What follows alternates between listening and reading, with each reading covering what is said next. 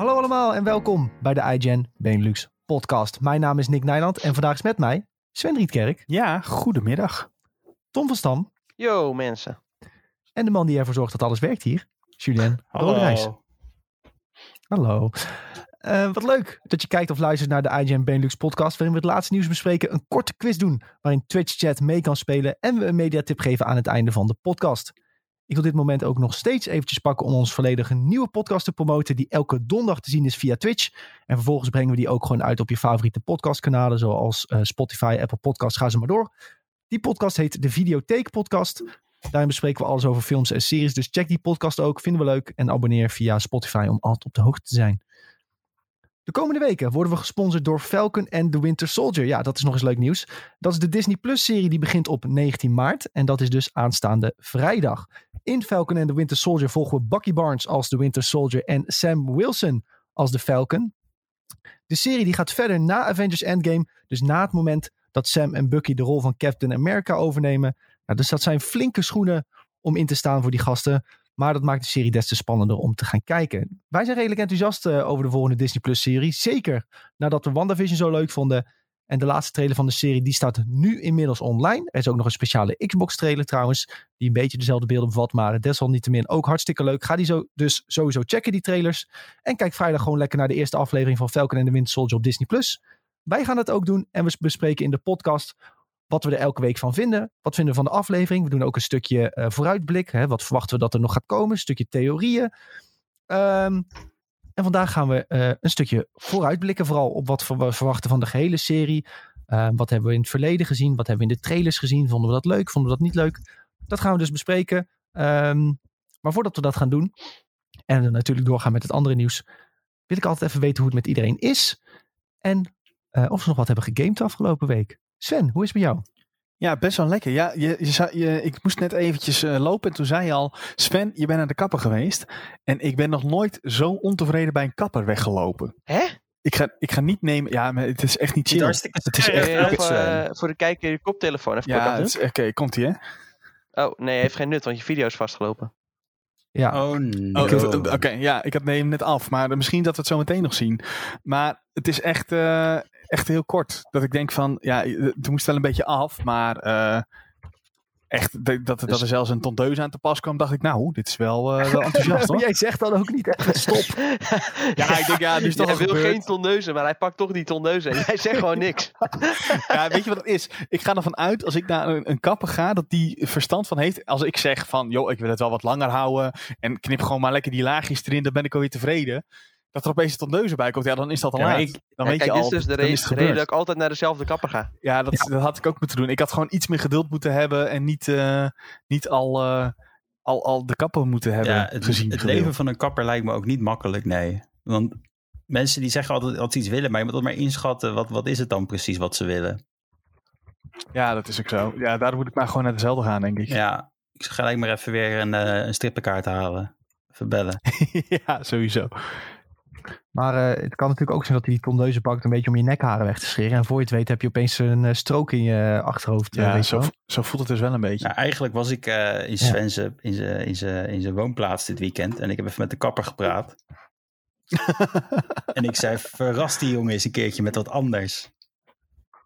Ja, ja, ik vind het echt niet chill. maar goed, het, uh, dat scheelt. Dat, dat is het voordeel met, uh, met, met een kapsel. Het groeit gewoon weer terug. Ja. Dus dat, uh, dat komt helemaal goed uiteindelijk. verder, ja, ik heb, ik heb geen Final Fantasy gespeeld deze week, jongens. Dat, nee, ja, nee, maar ja, dat komt omdat ik een game heb gespeeld waar ik niks over kan zeggen. Maar daar zit, ja, hoeveel uur zit er inmiddels in? 25 of zo? daarover later ooit een keer meer, denk ik. Spannend toch? Ja, lekker hè, zo'n cliffhangertje. Maar uh, heb je dan Final Fantasy ook een beetje gemist? Of, uh, is dit, of ga je een Svennetje poppen en uh, speel je die game nooit meer? Ja, dat, ben ik... ja nou, dat zou erg zijn, want ik ben nu zo dichtbij bij Max Level daar. Nee, dat komt goed. Die ga ik, dat ga ik zeker nog wel ik even ben spelen. ook lichtelijk bang. Maar ja, soms moet je... Nee, maar soms moet je even wat anders spelen. En dat is nu ook het geval. Dus dat, maar dat komt goed, uiteindelijk. Nou, zodra die weer de muziek hoort, nou, dan, dan is die er weer in, denk ik. Ja, precies. Maar het komt goed. Zodra Sven mag zeggen welke game die heeft gespeeld en daarover mag praten, jongens, ja. gaan we het uitgebreid bespreken in de podcast ja. trouwens. Dus uh, Vergeet niet te abonneren, dan weet je binnenkort waar Sven het over heeft. Ja, het is heel verschrikkelijk. Maar ja, dat, uh, we hebben het wel eens eerder gehad over NDA's en zo. Dus hier was er ook eentje voor getekend. Dus ik kan echt helemaal niks over zeggen. Nou ja, abonneer. En dan ben je, hoor je binnenkort welke game het is. Ja, heel goed. Sjoe, hoe is het met jou best? dan? Uh, Goed zo. Uh, ik ben lekker uh, naar buiten gegaan dit weekend. Ik was in het bos. en ik heb Final Fantasy ik gespeeld. Ik zag jou echt in een heel erg True Detective-achtige setting Ja, staan. klopt. Ik, heb ook, ik dacht, ik, ik had mijn detective jas had ik aangetrokken. En ik ga misdaad oplossen dit keer. Nee, ik was naar de, naar de Hoge Veluwe gegaan. Dat is echt super mooi. Uh, ik heb nou een jaarkaart. Shout-out to jaarkaarten. Uh, nee, het was echt super leuk, super mooi. Even lekker tot rust gekomen, lekker gewandeld. En daarna heb ik weer Final Fantasy gespeeld. Dus eigenlijk best wel een beetje. Het, het, het, het, uh, het is een beetje een Groundhog Day, mijn weekenden en weken. nou, dat heb ik ook wel hoor. Dat, uh, dat je soort van op maandag gaat de reset knop in. En je doet weer die week precies hetzelfde wat je de weken voor ja, hebt precies. gedaan. Ik heb ook heel veel Overwatch gespeeld op de Switch. Dat is echt. uh, ja, Zo. ik ben echt nou verslaafd om dat op de Switch te spelen voor het slapen gaan. Even elke keer een uurtje. Dat is wel leuk. Als ik Overwatch speel voor het slapen gaan, dan weet ik zeker dat ik niet binnen een uur slaap. Ik moet ik ook zeggen, ik was gisteren aardig getriggerd. Ik lag tot, tot vier uur s'nachts wakker in mijn bed gewoon. Nee ja, joh. echt. Echt. Ik uh, kwam niet in slaap. Gewoon omdat ik denk ik nog helemaal hyped was van Overwatch. Ja, maar dat, uh, dat heb ik ook. Ik, ik speel met Tom, spelen we altijd Warzone in de avond. En als wij klaar zijn, moet ik ook even nog een uurtje iets anders doen. Want als ik in bed ga liggen na Warzone te hebben gespeeld, dan slaap ik gewoon niet. Ja, het is ook zo stom, want ik weet dat ik een boek moet gaan lezen een uur voor het slapen gaan. Maar ik doe het dan niet en dan kom ik weer niet in slaap. Want van een boek lezen word je echt oprecht heel moe. Daar word je echt heel moe Ja. van, ja. ik weet niet of dat iets positiefs is. Ja, Of dat wel Nee, het is juist- Want eh, het maakt niet uit hoe spannend het boek is, maar de- gewoon even je hoofd niet op een scherm een uurtje en gewoon even in die letters eh, verdwalen. Dat helpt wel Ja. qua in slaap Het is komen. supergoed. Ik heb nog allemaal boeken liggen, biografie, eh, weet ik het wat allemaal. Die ik allemaal nog wil lezen. Dus ik moet me daar ook weer een beetje gaan eh, inhouden. Misschien kun je vandaag een boek aanraden Een als media. boekentip, ja, dat zal ik wel even doen. Ik heb hier eentje liggen. Zo, zal ik een boekentip aan, aanraden die, die ik vroeger op skivakantie heb gelezen? Dat ga ik doen. Nou, Nu of straks. we hebben, hebben straks allemaal de boekentip. eh. Ja, En eh, Ja, eh, ja, ja. Ik, heb, ik heb wel eh, van de Game Pass heb ik eh, nu eh, de, de, de Elder Scrolls Oblivion gedownload. Ik heb hem alleen nog niet gespeeld. Had je hem Oh, eerst ja. gekocht vorige week? Nee, nee, dat gebeurt wel vaak bij mij, maar dit keer niet. Eh, dit keer was ik, was ik het voor, om het zo te zeggen. Want ik las gewoon op IGN dat er al geruchten waren. Nee, nee ik, ik, ik, ik, had zoiets van, ik ga dit keer, eh, ik koop even geen games meer. Tot ik eh, zeker, behalve Nintendo games, die durf ik nog wel te kopen, want die krijg je nooit gratis of met veel korting. Dat zijn zeg maar mijn, mijn safe bets nu, zeg maar. Zeker, zeker. Ja, ik zag eh, nog net een vraagje in de chat voorbij komen van Sir Mango. Heeft iemand nog oude Bethesda games opgepakt? Ja, natuurlijk omdat ze naar Game Pass zijn gekomen.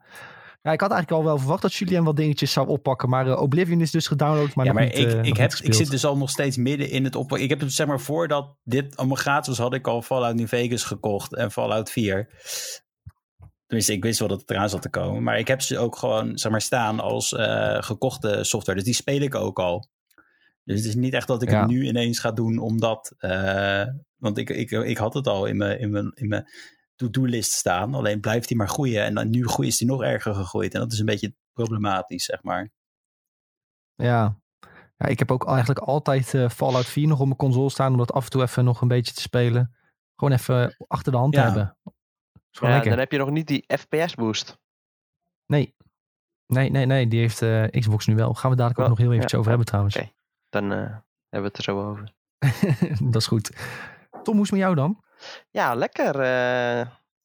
ik probeer een beetje die, eh, ja, die wekelijkse Groundhog Day waar jullie het over hebben te doorbreken. Door een beetje iedere week op zoek te gaan naar andere dingen om te doen. Dat lukt niet altijd even goed, maar deze keer wel een, een filmpje gekeken.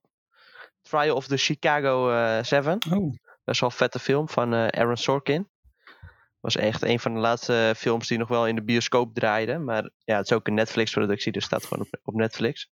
Best wel vette film, ook met eh Sacha Baron Cohen eh, die erin speelt. En eh, nou ja, ik vind, ik vind hem beter, beter dan in Borat. laten we daarop houden. en voor de rest was ik bij mijn oom langs gegaan om plaatjes te draaien. Hij is DJ. En hij gaf een klein, klein workshopje. Dus nou ja, een klein beetje dat, eh, dat clubgevoel weer, eh, weer teruggekregen. En dan eh, krijg je toch opeens wel heel, heel veel zin om naar een feestje te gaan. Maar nou, moeten we nog Wat even... is, wat is je DJ-naam, Tom? Ja, tegenwoordig moet je eigenlijk geen artiestennaam meer gebruiken, maar gewoon je eigen naam. Is dat zo? Ja, dat is een beetje de hype onder, onder DJ's. Hm. Dat ze gewoon hun voornaam gebruiken. Maar ja, Tom is dan wel een beetje redelijk generiek. Dus moet, ik nog, e- moet ik nog even over nadenken. Stom van Tam. Ja, dat eh, klinkt als een beter idee inderdaad. Nou, lekker. lekker. En eh, ja, ik heb ook nog wel een beetje, een beetje games gespeeld. Oh, trouwens, ik was trouwens ook begonnen met Love Island. Dat wil ik, ik eerst nog even zeggen. Met het eh, seizoen uit 2019, geloof ik. het beste seizoen tot nu toe. nu net, Zeker. nu net de eerste aflevering gezien was echt wel weer erg lekker. Ja, Nick tipte hem inderdaad als het beste seizoen. Dus ik dacht, nou, dan eh, beginnen we daar maar weer. En volgens mij was het ook het laatste seizoen dat ik nog niet gezien had. Van de UK-versie in ieder geval. Dus eh, ja, was wel een goed, eh, goed instapmoment. En ja, eerste aflevering meteen al wel weer redelijk hyped. Ik moet wel zeggen dat in mijn herinnering was het dus geen afleveringen van een uur. Maar ik dacht gewoon, het is iets van een half uurtje of zo. Maar het is gewoon iedere keer een uur dat je Ja, weer het is ermee echt elke bent. keer een uur. Zo pakken Ja, ze je met ja. alle reality-programma's. Je denkt dat hij... Dat is misschien toch wel net iets te lang. Ja, maar ehm, je, je bent nu voor een computertje aan het sparen. En dan moet je gewoon lekker, eh, eh, dat doe ik ook altijd als ik eh, een beetje tijdens het werk heb, ik op mijn tweede scherm, dan heb ik altijd gewoon iets draaien. En dat is of een YouTube-video of ehm, soms muziek of eh, soms is dat gewoon reality tv, want dan hoef je toch niet echt op te letten. Nee, dat is waar. je, je krijgt het toch allemaal wel mee. En dan kun je gewoon lekker 50 uur Love Island kijken in anderhalf week. ja, dat zo kan het ook inderdaad. Dat schiet wel Ja. op. Ja. Nee, maar je hebt toch ook... De, Ja, zijn het toch ook in Nederlands uitgebracht, of niet? ja, klopt. Maar dat is wel echt... eh, ik heb het eerste seizoen daarvan heb ik gezien. Maar dat is niet, niet best vergeleken met de internationale Ja, versie. iemand liet me één keer Ik een heb- fragment zien met die ene gast, hij heette Sonny of zo heette die dude. Kan het kloppen? Nee, dat is, dat, dat is Oh, Temptation. Island. Die gast lijkt echt op, de, op, die, eh, op die Hazes Junior of zo, eh, qua gezicht. Weet je wel, ja. Ja, ik weet wel wie jij bedoelt. en die ja, zat, eh, die zat eh, over schildpad te praten of zo, dat hij zich als een schildpad voelde. Die zei, dit is mijn purpose. ja, wat een mongool, joh. Oh, nee, wat een rare knakker. Ja, vogel. Ja, hele raar. vis. Maar eh, ja, misschien moeten we niet te lang over Love Island. Nee, precies. Ik, dacht, ik noem dat even heel snel, maar uiteindelijk eh, toch iedereen weer die erop inhaakt. ik, zou, ik zou er gerust twee uur over kunnen lullen hoor. ja, maar, eh, precies. Ja, kunnen we een keer een special van doen. En ik had nog wat games gespeeld. Warzone uiteraard, een klein beetje FIFA. En Smash Bros. die ik afgelopen week heb gekocht. die was in de aanbieding bij Amazon. En eh, via de app kreeg je nog eh 10 euro korting op je eerste bestelling. Dus uiteindelijk had ik iets van twee- 42 euro of zo voor besteld, betaald. dus, eh, Zo, dat is prima. Nintendo game. doe Ja. je goed, eh, Tom. Ja, ik dacht, eh, ja, die, moet, die wilde ik sowieso al heel lang nog, eh, nog hebben. En toen dacht ik, nou, voor zo'n eh, lage, lage prijs relatief gezien voor een Nintendo game kun je eigenlijk niet laten En liggen. wat voor, wie, wie is je main? Nou ja, ik heb nog niet alle characters vrijgespeeld. Dus dat eh, is even afwachten. Maar ja, eh, er zijn natuurlijk ook een heleboel nieuwe personages die ik eerder nog niet heb gespeeld. Ja, het is echt een heel groot, eh, heel groot eh, dilemma wie je moet kiezen soms. Want die lijst is gewoon gigantisch met de DLC erbij ook. Ja, precies. Maar eh, wie is jouw main dan? Ik vond eh, Cloud altijd wat chill spelen. En Wario, want die kan Ja, mensen opeten. Die heb ik dus nog nooit gespeeld. Ja, ik vond Bowser Jr. wel grappig, omdat hij zo'n karretje heeft waar die Oh. iedereen mee eh, tegenaan kan dat is echt zo'n trollpoppetje, want dan kan je heel snel een karretje Ja, dat is echt een troll, ja. Die is echt tof. Zeker met mensen die niet echt weten hoe ze daarmee om moeten gaan, is dat echt, eh, echt een heel grappig personage. Ja, Ja, en Kirby, hè, dat is ook zo'n eh, zo'n trollpoppetje, zeg maar. Kan ik altijd... ja daar ben ik wel weer iets minder eh, gespecialiseerd in, in Kirby. Maar... Nee, ik ook niet. Maar ik zie soms mensen de dingen mee doen, daar word ik gewoon eng van. Dat ik denk van, ik wil dit geen eens meer spelen. Als je zo goed met Kirby kan spelen.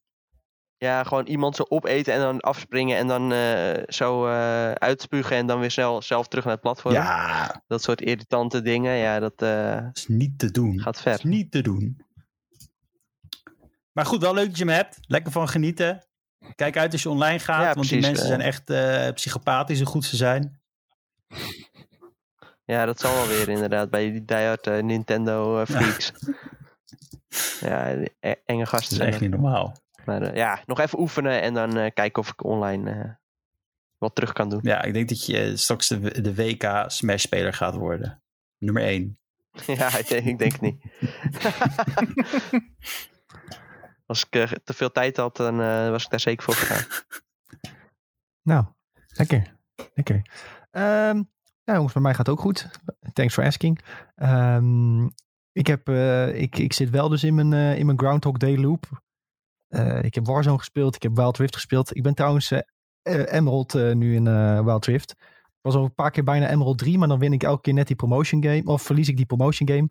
Ehm, maar ehm, ja, mensen spelen nog steeds alsof ze geen handen hebben, ook in Emerald. Dus ja, we, we, zijn nog aan het grinden. We zijn nog aan het grinden en lekker Warzone spelen. Een beetje op computer, een beetje op PlayStation. Op PlayStation speel ik op alsof ik geen handen heb. Ehm, ik ben nog steeds aan het leren met een controller te spelen, maar eh, het gaat wel steeds iets beter. Het gaat steeds iets beter. Eh, trouwens, één potje op PC. Toen was ik, kon, was ik opeens god gisteren. Ja, echt één potje ook. Eén Dat was potje echt was ik echt de god. Had ik in, eh, denk ik, drie minuten tijd 15 kills. Ja, dat ging echt hard, ja. Ja, maar nou, dat gebeurt me ook. Dat, dat, dat kan- gaat me op console niet gebeuren, dat kan ik je zeker vertellen. Ehm, maar goed, ja, dat dus. Ik speel niet. Ik heb niet echt iets anders gespeeld, denk ik. Ja, op stream heb ik eh, Dark Souls gespeeld. Ik heb Bloodborne uitgespeeld. Dat doe ik elke maandag. Gefeliciteerd. Ja, dankjewel. Dus als ik nou eh, Bloodborne uitspeel, dan eh, kunnen we weer een. of een, als ik nu Dark Souls uitspeel, dan kunnen we weer een Souls game afvinken. En ja, Dark Souls ga ik eigenlijk nu wel redelijk snel doorheen. Vooral omdat het natuurlijk ook wel de oudste versie is. En als je ja, nu wel wat Souls ervaring hebt, eh, is het toch wel eigenlijk ja, redelijk makkelijk om te herkennen wat je moet gaan doen en zo. Dus ja, ik, ik ga er lekker doorheen. Ik vind het tot nu toe wel heel vet. Dus we gaan het zien hoe het uit gaat pakken. Ehm, elke maandag, eh 1 uur beginnen we. Volg ons op Twitch en dan kun je zien hoe ik eh Soul speel. Ehm, dus dat ja, dat, eh, dat was het een beetje voor mij jongens. Niet heel spannend. En volgende week zal ik waarschijnlijk terugkomen en hetzelfde vertellen wat ik heb gedaan. Ehm, goed jongens, dan gaan we erin duiken. Ten eerste gaan we een stukje Falcon and the Winter Soldier bespreken. Want we willen graag vooruitblikken op de eerste aflevering en een beetje op de rest van het eerste eh, seizoen. Wat we er zelf van verwacht- verwachten, wat we hopen te zien. Ehm, misschien ook wat verschillen met WandaVision die we hopen te zien. Of denken te gaan zien. Ehm, laten we eens kijken naar de laatste trailer die is uitgebracht. eh, de speciale Xbox trailer was het eigenlijk. En dat was ja, meer een dingetje van Xbox dan van Falcon and the Winter Soldier. Want die beelden die erin zaten, dat was eigenlijk allemaal dingen die we wel eh, eerder hadden gezien. Met eh, dikke vette actie. Eh, veel meer actie dan dat je in WandaVision hebt gezien. Nou, ik denk dat dat voor de Marvel fans hartstikke leuk is om die actie weer een beetje, beetje erin te krijgen. Zeker als, als ze dat dan een pluspunt vonden van, van het hele Marvel-universum. Maar we zagen ook wel iets grappigs. En dat was Noobmaster69 eh, aan het einde van die trailer. En dat was tenminste de medewerker van die winkel die zei van... ja, ik ben uh, Noobmaster69 is mijn gamertag. En de oplettende kijker, en ik denk dat heel veel mensen dit hebben herkend. Maar goed, ehm, het stroomde over op het internet. Is dat Noobmaster69 de Fortnite-speler was... waar Kork en eh, Thor tegen aan het vechten waren... Uh, op het moment dat zeg maar, Thor even zijn uh, midlife crisis had uh, en heel erg dik werd en alleen maar Fortnite had te spelen met Kork de hele dag. Um, en toen zaten ze ruzie te maken met Noobmaster69. En Noobmaster69 was dus die medewerker van die winkel die je nu zit in de Xbox trailer. Nou, zo is het cirkeltje weer helemaal rond. Natuurlijk uh, hartstikke grappige knipoog, denk ik. en ja, volgens mij gingen mensen er wel goed op dat soort van die reveal nu werd gedaan. Um, nog steeds een bizar idee dat überhaupt Fortnite in die film zat. De comments gaan ook alleen maar over dat kleine stukje. ja. dat zo top ook. The greatest plot twist in history did not see that coming. ja. Je ziet die Anthony Mackie ook zo kijken op het eind van... What the fuck is deze guy uh, aan het doen met de gamertag? Ja, hilarisch. Hilarisch. Fantastisch. Um, maar goed, uh, het iets meer serieuze van, uh, van, de, van de alle trailers... Um, hebben we denk ik toch eigenlijk de laatste periode gezien... dat we in Falcon en the Winter Soldier mogen verwachten... dat we gaan zien um, hoe Bucky Barnes... En samen met de Falcon ja, een beetje de schoenen van Captain America moeten gaan vullen. Hè? Want ja, de laatste tien jaar was Captain America toch wel een van de grootste personages in het Marvel-universum. En nu hij weg is, ja, zal er toch wel iemand zijn die zijn rol over moet nemen. Maar um, dat roept direct bij mij de vraag op, willen die twee dat wel? is er één van hun twee die dat gaat doen? Gaan ze het allebei doen? Uh, gaan ze dat op een andere manier doen? En dat is eigenlijk waar ze in de trailer ook wel een beetje naar hinten. Maar ze gaan het toch niet allebei doen, denk ik. Het is toch duidelijk nee. dat Captain America zijn schild echt overdraagt toch aan Falcon, aan Sam eigenlijk. Ja. Dus dat, dat eigenlijk zegt hij daarmee succes ermee.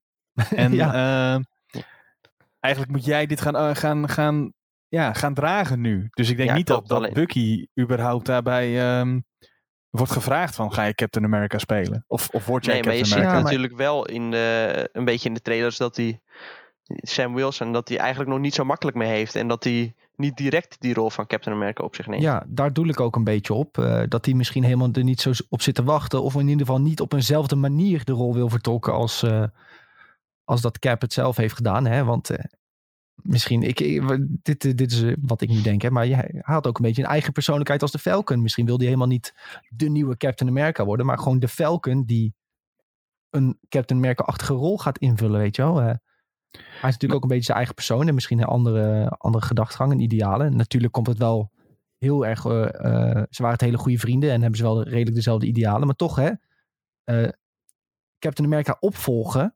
Ja, dat is toch wel een eh, lastig dingetje, weet je wel. Misschien zou, kun je dan toch beter je eigen dingen een beetje doen. En desalniettemin heeft hij het schild, schild gehad. Eh, wat hartstikke cool moment was, denk ik. Eh, menig mens heeft een traantje gelaten bij dat moment. En eh, dat zou ook wel een belangrijk punt zijn in de serie. Hè? Van eh, het, het verlies van Captain America en wat nu. Ehm, en dan is er opeens weer een nieuwe dreiging. Ehm, en we hebben even gegoogeld wat de dreiging precies is. Ehm, dat, in de trailer zie je bijvoorbeeld een aantal eh, bad guys met zo'n rode hand op de maskers eh, geverfd. Eh, lekker gevingerverfd hebben ze. En die heten de Flag Smashers. En de Flag Smasher, dat is ook die dame die je in de trailer ziet. Eh, Ja, en dat wordt die, een beetje met, de die dreiging. rode, met die rode krullen, hè? die dame is dat. Ja, ja, ja, hartstikke mooi meid om te zien. Ehm, dan weet je meteen wie ik bedoel natuurlijk. Ehm, maar ja, zij, zij draagt ook de naam Flag Smasher. En ehm, die, die ja, soort minions, als het ware, die heten ook de Flag Smashers. en dat, dat, zijn, eh, ja, dat zijn toch wel een beetje de bad guys die, eh, die gepakt moeten worden. Ehm, let daar dus op. eh, er zal ongetwijfeld langzaam ontrafeld worden wat, wat zij precies willen en waarom, waarom ze evil zijn in, de, in deze wereld. Ehm, want de serie gaat verder na Avengers Endgame. En dan zijn er redelijk wat problemen in de wereld. Hè? Want er is een hoop opgelost. Maar we hebben ook al in WandaVision gezien. Dat zeker met de blip. Eh, dat het toch wel indruk heeft gemaakt op mensen. En dat mensenlevens toch wel een beetje veranderd zijn. Sommige mensen zijn ouder geworden. Andere mensen zijn dezelfde leeftijd gebleven. Ehm, ondertussen is er heel wat gebeurd in de wereld. We zagen al bij Monica Rambeau dat eh, familieleden waren overleden. Terwijl zij weg was. Dat zijn dingen die ongetwijfeld ook terug gaan komen in eh, Falcon and the Winter Soldier. Dus dat, daar ben ik zelf heel erg benieuwd naar. Want dat vind ik wel een cool gegeven. wat die verschillen precies zijn. Doet ook een beetje denken aan de leftovers. Waar, waar we het eerder ook over hadden. Dus daar ben ik zelf heel erg benieuwd naar. En ook een beetje de verschillen met WandaVision. Hè? WandaVision was vrij rustig. En eh, dit wordt toch wel meer eh, actieknallen. Ja, daar lijkt ze ook wel echt heel erg op in te zetten. Dat, eh, dat zie je wel duidelijk, ja.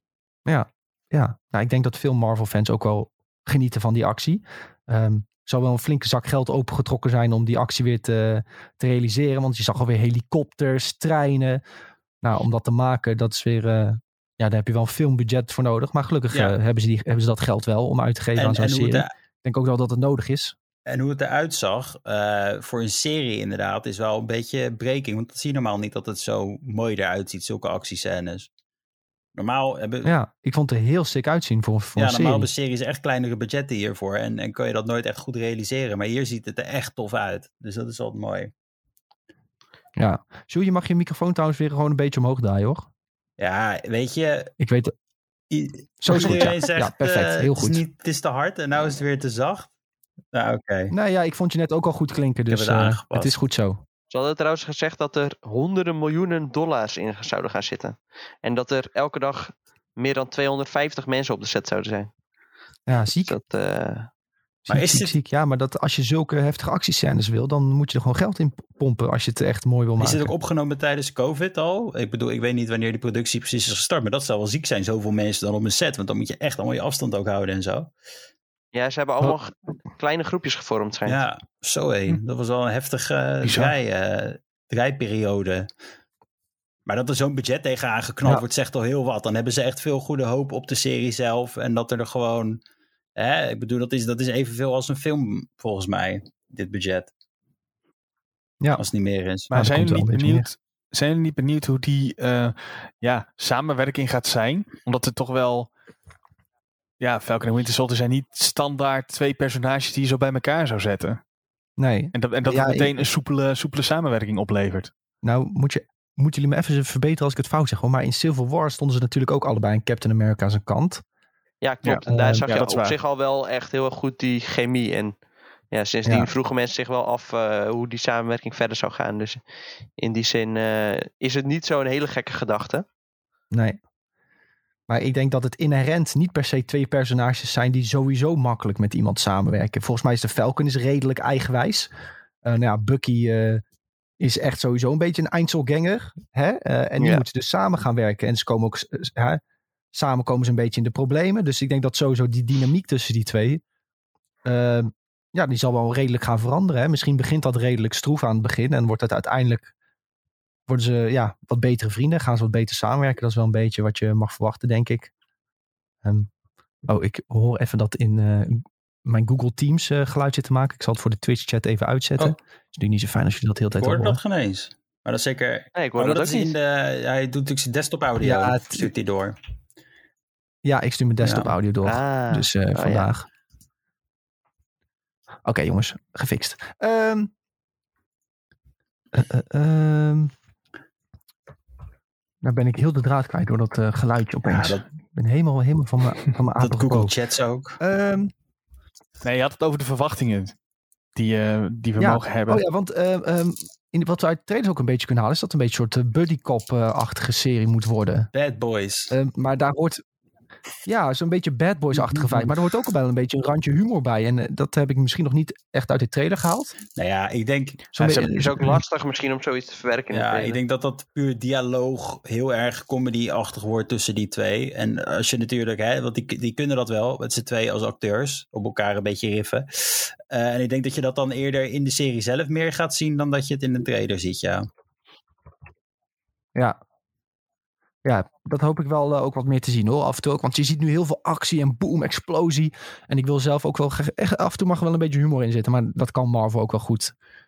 Eh tenminste, de laatste aantal films is dat denk ik steeds beter teruggekomen. Een eh, humoristisch randje. Dus ja, kom maar op. Ik heb er wel zin in. Ehm laten we nog even de chat erbij pakken. Dat vind ik ook wel leuk. Want Sir Mango die heeft zelf een idee voor de serie. wat hij verwacht. Hij denkt dat de Winter Soldier op zijn eigen manier de held gaat spelen. Eh, en dat door, de, door een missie van Falcon dat ze bij elkaar komen en dat ze daarna samen gaan werken. En dat ze ergens in een gevecht een keer allebei op dezelfde locatie zijn. Ja, we kunnen, eh, moeten we weer een bingo kaart maken jongens? Misschien moeten we weer een bingo ja, dat is kaart misschien maken. wel leuk om dat nu vooraf... eh, of naar de Ja, eerste we- aflevering of zo te doen. Laten we na de eerste aflevering een bingo kaart maken. Want dan kunnen we denk ik wat beter verwachtingen scheppen. En dan kunnen we elke keer afvinken als we iets goed of fout hebben. Dat gaan we doen naar de eerste aflevering. Dus volgende week gaan we een Falcon en de Winter Soldier bingo kaart maken jongens. Leuk, er waren leuk. trouwens wel al wat eh, reacties op de eerste aflevering. Ja, wij had- konden eigenlijk ook de eerste aflevering al kijken, maar er ging iets mis en toen ging dat niet door. Dus dat was een beetje jammer. Ehm, ja, die reacties waren positief over het algemeen, toch? Ja, die waren best wel, eh, best wel positief. En er schijnt echt eh, meteen wel een flinke actiesequence in te zitten. Maar ook wel gewoon ja, verrassing wat betreft spoilers. Dus vrijdag eh, moet je toch een beetje uit gaan kijken op het internet. Ja, vrijdag een beetje uitkijken en lekker eh, in de lunchpauze of zo die eh, aflevering kijken. Dan ben je direct, eh, kun je direct weer spoilervrij het internet op. Ja, ik kijk daar oprecht naar uit om lekker met de lunch die serie aan te zetten. Dat is echt top. Dan begin je Toch ook een beetje je moeten missen, hè? Ja, nee, maar het is, Ja, nou, het- ik, het, ik- het is wel zo, want ik vind het wel lastig nu, omdat je nu in een soort van ritme zit. En dan denk je, oh ja, dat is er nu niet. nou, wat jij zegt, het bevalt me wel goed om gewoon een soort van elke vrijdag een Marvel afleveringetje te hebben. Dat beviel me iets te goed van WandaVision. Ehm, en dat is iets wat ik, eh, vroeger had ik dat had ik dat altijd op de maandag bijvoorbeeld. Dan had je, kwam er een, of een The Walking Dead aflevering of Game of Thrones. was altijd was een maandag iets groots. Dus dan begon ik de week lekker. En nu had ik dat even op de vrijdag. Dan ik, oh yes, keek ik echt uit naar vrijdag. Want er kwam een nieuwe WandaVision. En ehm, nou, als dat dit jaar zo'n beetje door blijft gaan. Met nu Falcon en de Winter Soldier en eh, Loki daarna. Vind ik wel lekker. Dus kom maar door. Ehm, moeten we het nog even hebben over Helmoet Zemo. Die we waarschijnlijk hebben gezien ja, in de ik heb ook een lichte refresher nodig over dit personage. Karakter. Eh, Sven, had jij hem nou een beetje onderzocht? eh? Nou ja, dit is toch gewoon, dit is gewoon de bad guy eh, die een beetje, eh, ja, vooral Bucky, dus Winter Soldier, het leven zuur heeft gemaakt, volgens mij. En hij heeft ervoor gezorgd dat tijdens eh, Captain America Civil War, dat die eigenlijk, eh, dat dat kon plaatsvinden. Dat is het vooral. Hij heeft een beetje eh, informatie gevoed aan zowel Captain America als eh, Tony Stark toen de tijd. Ehm, waardoor ze tegen elkaar. eh, Ja, van, werden gezet, ja. ja, dankjewel. Ja, dat. Ja, nou in de trailer zie je dus eh, iemand lopen met een masker wat eh, heel veel weg heeft van de masker waar eh, Helmoet Zeeman mee loopt. Dus ehm, Ja, Ja, zo'n mooi paars, paars masker heeft hij, eh, heeft hij in de serie, als het goed ja, is. ja, dus ga er maar vanuit dat, eh, dat hij er misschien eh, wel in zal zitten, jongens. Maar ik, ik neem aan dat we dat de eerste aflevering wel al te zien gaan krijgen. Zeker aangezien het al in de trailer zit of in de eerste twee afleveringen of zo. We hebben er zin in ieder geval, jongens. Maar Falcon en de Winter Sol- Soldier deze vrijdag. Ehm, hoe laat komen afleveringen online? 11 uur meestal zoiets? Ja, in de ochtend zoiets, toch? Ja, ergens- in de Oh, ochtend. vrij snel inderdaad. Eh, meestal als je wakker wordt, dan kun je al kijken. Ja. Nou ja, tenzij je heel vroeg wakker wordt. Ja, ik word heel vroeg wakker, dus ik kan het niet, niet kijken. Maar goed. Jongens, we gaan vrijdag kijken. Volgende week eh, in de podcast gaan we het uitgebreid bespreken. Gaan we lekker bingo kaart maken. Dus eh, ben erbij.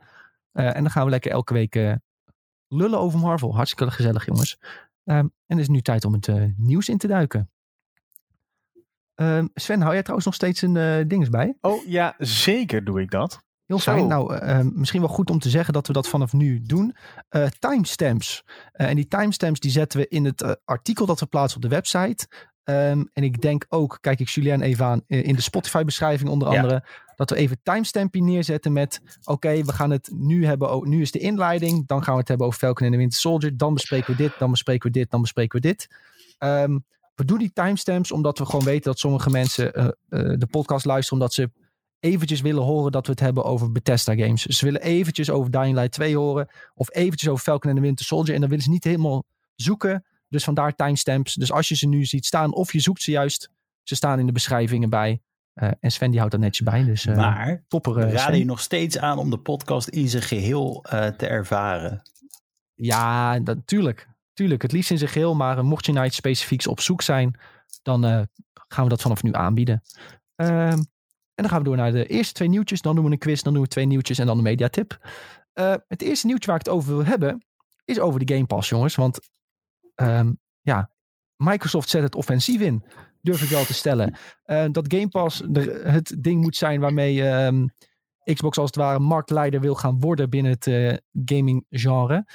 Eh, laten ze denk ik nu wel zien wat ze echt willen gaan doen. Eh, en te beginnen is dat met Outriders, die vanaf dag 1 al speelbaar zal zijn op Game Pass. Nou, en met de recente overname van Bethesda bijvoorbeeld, ja, is dit ook wel een beetje wat, eh, wat die gasten dus willen gaan, gaan doen met de Bethesda games. Ik vind het echt enorm nieuws. Ehm, het heeft ook enorm veel goede marketing opgeleverd volgens mij voor Outriders. Eh, had ik nog een tweetje bij gevonden trouwens. Maar ehm, ja, gewoon op dag 1 is die game beschikbaar op Game Pass. En het is gewoon een volledig nieuwe IP van Square Enix, van People Can Fly. Ehm, het is ook zeker niet de minste game. Eh, Het krijgt erg goede kritieken. Mensen die de demo hebben gespeeld, nou dat waren toch een paar miljoen, waren volgens mij over het algemeen erg positief. Ehm, met name met vrienden spelen is erg leuk. En daar zit denk ik de crux. Want iedereen die dus een Game Pass heeft, kan gewoon met zijn vrienden eh, direct Outriders gaan spelen. En wat een sterke move. Ik weet niet hoe het omzet technisch zit. Is dit ook een goede move voor People Can Fly? Die zullen ongetwijfeld wel een mooi bedrag hebben gekregen om het dag 1 op Game Pass te brengen. Ehm, of dit voor Xbox en Microsoft nou eh, een break-even dealtje is of ze er wat verlies op leiden. I don't know. Maar het is in ieder geval wel een hele sterke move. Ehm, vanaf 1 april komt de game uit en dan zal die dus direct beschikbaar zijn via Game Pass. Ehm, heb je dus Game Pass op PC of op de consoles? 1 april kun je aan de slag met Outriders. Ehm, ja, wij hebben hem eh, al een paar keer gespeeld. Eh, we vinden het een hele coole game. Mag En, ik even nou, inbreken, Nicky? Want volgens mij is altijd. het niet op PC. Is het niet op PC? Nee, alleen voor Xbox en ehm, Cloud, volgens mij. Hmm. Dus, je- Dan eh, heb je dus je dat kan wel op je telefoon spelen, maar niet op je computer. Op consoles en. Android phones en tablets. Of je kunt Oké, het op want- computer spelen, maar dan alleen via xCloud. In jouw artikel staat ook PC, Sven. Dus dat eh, ga, ik even, eh, klopt het niet. ga ik nu direct En aanpassen. koelkast. Ja, ook op je Ook. eh, koelkast. Als ja. xCloud draait op jouw koelkast, dan ook op je koelkast. Nice. Nee, maar ik vind het wel grappig, Ze want zeggen inderdaad... eh, ik had dit spel dus, ik had hem eigenlijk willen laten liggen. Ik, dit is niet het spel voor mij, dacht ik. Omdat ik, Destiny is ook nooit wat voor mij geweest. Eh, maar nu het gratis is, ga ik het toch oppakken. Dus het is wel heel slim. ja, marketing Nee, technisch is is niet voor jou. super. Hm, niet voor mij. Ja, dat zeg je net. Nee, maar Maar het zorgt er wel voor dat mensen die, Ja. die Ja, inherent dat- zeggen van het is niks voor Ja, mij. ik Dat ik denk dat het een hele slimme keuze is. Want eh, ik denk dat anders. eh, ja, ik denk dat hierdoor in ieder geval een grotere hit kan worden dan dat het anders geworden was. ja, zo bedoel Ja. ik het. ermee. Je krijgt een grotere doelgroep. Zo'n game, eh, zo'n game kan dan toch aanslaan op een of andere manier. Terwijl anders heb je misschien inderdaad een heleboel mensen die denken, denken, ja, ik ga je geen eh 50 euro aan uitgeven. Of 60 euro. En dat ze dan eh, nu dat ze proberen. En dat ze dan denken, oh, wel leuk. En dan misschien als je dan na een tijdje uit Game Pass gaat of zo. Dat ze dan eh, toch denken van, eh, ik wil door blijven spelen en koop hem alsnog. Ja, dat Ja. is ook weer het gevaarlijke, hè? Want als je heel erg gehoekt raakt aan het spel en dan halen ze hem daarna eruit, dat zou echt zuur zijn. Ja, dat kunnen ze niet maken. Nou ja, Maar Ja, ik denk ook wel. niet dat dat eh, strategie is. Ja, maar in theorie, ze kunnen het doen. Dus het is wel... Ja, dat is waar. Ja. Maar in ieder geval, ik kijk er Ja. heel erg naar uit. Ik wil het wel even, even spelen nu. Het is, eh, ja... Mijn, Ik denk ook wel dat, het, eh, dat, het, eh, ja, dat veel mensen het wel, wel leuk gaan vinden hoor. Dit is ook echt zo'n typische game. Maar je denk ik gewoon, die moet je gewoon even gespeeld hebben. Ik denk als je enkel alleen de trailertjes kijkt en wat marketing dingetjes hier en daar. Dat je denkt van nou, ik kan deze wel aan me voorbij laten gaan. Maar zeker in een periode waar niet superveel grote games uitkomen. Is, denk, is deze denk ik gewoon hartstikke leuk om met vrienden op te pakken. Maar dit is ook Ja, wel en- een soort van. eh, ja, een goede hint naar de, dat ze dit in de toekomst nog vaker kunnen gaan doen met andere games. Dat vind ik eigenlijk Ja, misschien nog wel het meest interessante aan dit nieuws. ja, Want hiervoor was het toch voornamelijk op de, dag 1 dat het vooral first-party titels waren. Volgens mij is het ook niet echt eerder gebeurd dat ze een andere third-party titel eh, op dag 1 hadden. Maar ja, als ze dit vaker met wat iets, eh, iets wat kleinere games eh, kunnen gaan doen, dan eh, vind ik dat heel positief nieuws. ja. Ja, dit is gewoon Xbox die laat zien van, yo, dit zijn de moves die we kunnen maken. En het is echt, ik vind het echt een hele sterke move. En ja, zoals gezegd, ik weet niet of het helemaal rendabel is voor, voor, voor, voor Xbox om het op deze manier te doen. Maar het, het trekt ongetwijfeld superveel aandacht. En als andere third-party games ook gewoon op dag 1 op Game Pass komen. Eh, nou, je hebt, je hebt bijvoorbeeld wel gezien dat een, een Fall Guys op dag 1 gratis is met PlayStation Plus. Maar dat is al een maandje. En dan kun je hem even een maandje gratis checken. En ze hebben hier nu nog geen eindtijd bij genoemd. Dus ik neem aan dat die in ieder geval een lange tijd op Game Pass zal staan. Ja, dat zijn Ja, gewoon eh, maandje, eh. Dat is natuurlijk niet helemaal waar, want met Play- PlayStation Plus is het, je downloadt hem en dan zolang je PlayStation Plus hebt kun je hem blijven gebruiken. ja, maar de window om het te Ja, oké, kopen maar je moet hem wel een in maandje, ja. geclaimd hebben. Ja, tuurlijk, maar je kan hem wel blijven spelen in principe. Ja, Je hebt hem dan voor altijd. Maar eh, ja, wat jij zegt, eh, ik denk bij Fall Guys, dat was ook niet zo'n groot succes geweest als dat niet gratis was geweest bij PlayStation Plus. Nou, Ja. wij hebben wel de hype machine eh, goed geolied hoor, voor die game. ja, dat wel. Maar ik, Fall Guys, ik denk dat bijvoorbeeld de, de Twitch community ook wel heel erg hielp bij die game. Ja. Eh, de game wa- was op Steam, kostte die wel gewoon 20 euro. Eh, en daar heeft hij ook belachelijk goed verkocht. Ja, maar ik Eh, denk toch wel dat het wel een beetje is aangezwengeld door die PlayStation hype. Dat, Ja, dat eh, helpt Dat zeker. hoef je zeker niet te onderschatten, denk ik. gewoon de marketingwaarde van zoiets is, eh, ja, is gewoon enorm. Eh, en dat zie je ook. ehm, dat zie je ook hier bij, bij Game Pass. En die, je hebt zo'n dude op Twitter, die heet Benji Sales. Die houdt altijd dat soort dingen een beetje in de gaten. Ehm, eh, het stukje marketing. Hij zegt, eh, Outriders was trending op Twitter met het nieuws in, in de VS. Eh, en die had 10.000 tweets sinds de aankondiging. En hij had dit redelijk snel daarna geplaatst. Nou, dat is een stukje marketing. Dat had je nooit bereikt als ze gewoon hadden gezegd van... oké, hier is een eh, release trailer van Outriders. Dan had, was die game nooit eh, viraal gegaan op Twitter. Weet je, dus het is marketingtechnisch ook gewoon een sikke move. Dus ja, ik vind het heel erg Het is heel slim. Sir Mango zegt nog... ehm, je hoort bijna niks meer van Fall Guys. Ehm, ja, dat is een beetje de, de hype train van tegenwoordig. Hè? Het is even super populair op Twitch. Twee weken later is de aandacht weer verschoven naar iets anders. En eh, ja, dat is een beetje triest, maar... Nou, ze gaan Ehm. wel beginnen aan een eh, vierde seizoen. Daar waar laatst een trailertje voor eh, beschikbaar is gekomen. Ja. En dat zag er toch wel weer leuk uit. Het eh, was een beetje neonlichtachtige vibes. En alsof je met je, met je boontje door een, eh, een flipperkast moet rennen. Om maar bij het einde te komen. Dus dat, ja, dat, dan denk ik toch wel weer. Oh ja, het is toch wel. De game is zo leuk, maar zo Ja. frustrerend dat je gewoon gaat, spontaan Ja, gaat zweten als speel dat. je het. Dat je niet meer weet wat je moet doen. Eh, Mhm. En, en Ja. nog maar, eh Outriders wordt toch ook cross-platform trouwens? Als ik me niet vergis. Ehm, cross-generatie, toch? Ik dacht dat, je het gewoon, dat ik het gewoon zou kunnen spelen met, eh, met andere mensen op, op een PlayStation of zo, als ik een Xbox zou hebben. Wil Outriders support crossplay? Yes. Ja, Ja, ja. Outriders wil fully support. Nou, dat is dan crossplay. toch helemaal top. Dan Ja. Als je een Xbox hebt, heb je hem gratis. En dan zeg je ook, ik heb het spel gespeeld tegen vrienden die een PlayStation hebben of een PC. En dan zeg je, moet je ook kopen, joh. Kunnen we het samen spelen? En dan, boom, geld Ja. in het laadje. Boom, Mhm. boom. Economie. Ja, ja, het is natuurlijk een eh, nieuwe IP, dus daar moeten mensen even kennis mee maken. Ik vind het ook trouwens wel opvallend, dit me nu te binnen, dat heel veel mensen vragen om, ja, ik wil een keer een nieuwe IP, een keer een origineel idee. En dan komt een keer een, eh, een nieuwe IP en dan is de aandacht daarvoor toch een stuk lager dan wanneer je een sequel hebt of zo. Nou ja, nu niet meer dan, toch? Ja, de aandacht is nu enorm, maar mm, ik denk dat de aandacht misschien nog meer ligt op het feit dat de game, dat een third-party titel op dag 1 naar Game Pass komt, dan dat het echt om Outriders zelf Ja, gaat. maar ik vind dat ook wel een beetje. Kijk, Outriders, ik ervaar het meer. En ik heb het ook niet gespeeld. Ik heb het, maar ik ervaar het meer als een soort van Destiny. Het lijkt een beetje heel veel erop als ik trailers zie. Is dat zo? Vergis ik me dan? Ja, het heeft wel wat raakvlakken hoor. Eh, dus eh, wat dat betreft eh, is dat geen gekke gedachte. Maar ja, er, er zitten nog wel genoeg verschillen in voor de, zodat de game origineel is en op zichzelf staat. En ja, zeker eh, hoe de endgame eruit ziet, is dat toch wel een eh, flink stuk anders dan hoe het in Destiny is ontworpen. En wat ik, Eh. als ik daar even in mag springen, wat ik ook heel erg opvallend vind, is dat de ontwikkelaar al heel erg dicht bij de speler staat. Ehm, zo was er, eh, er was bijvoorbeeld al een loot cave gevonden. Dus een run waarin ehm, spelers drie kisten vonden en, de- en zo legendary gear konden verzamelen. En die hebben ze eruit gehaald, omdat ze dat niet willen. Maar ze hebben daar, daarvoor wel in de plaats een ehm, lootbox aan het eind van een bos neergezet, die wel legendary gear kan verzamelen. En dat was eerst ook niet het geval. Totdat de community zei: Ja, hallo, waarom zijn, zijn we dan bosruns aan het doen? En toen hebben ze gewoon letterlijk in die volgende patch gezegd. Ja, de community had gewoon gelijk. Eh, we willen dat bosruns juist wel eh, aangemoedigd worden. Dus, dus er kan weer legendary loot droppen uit die kist.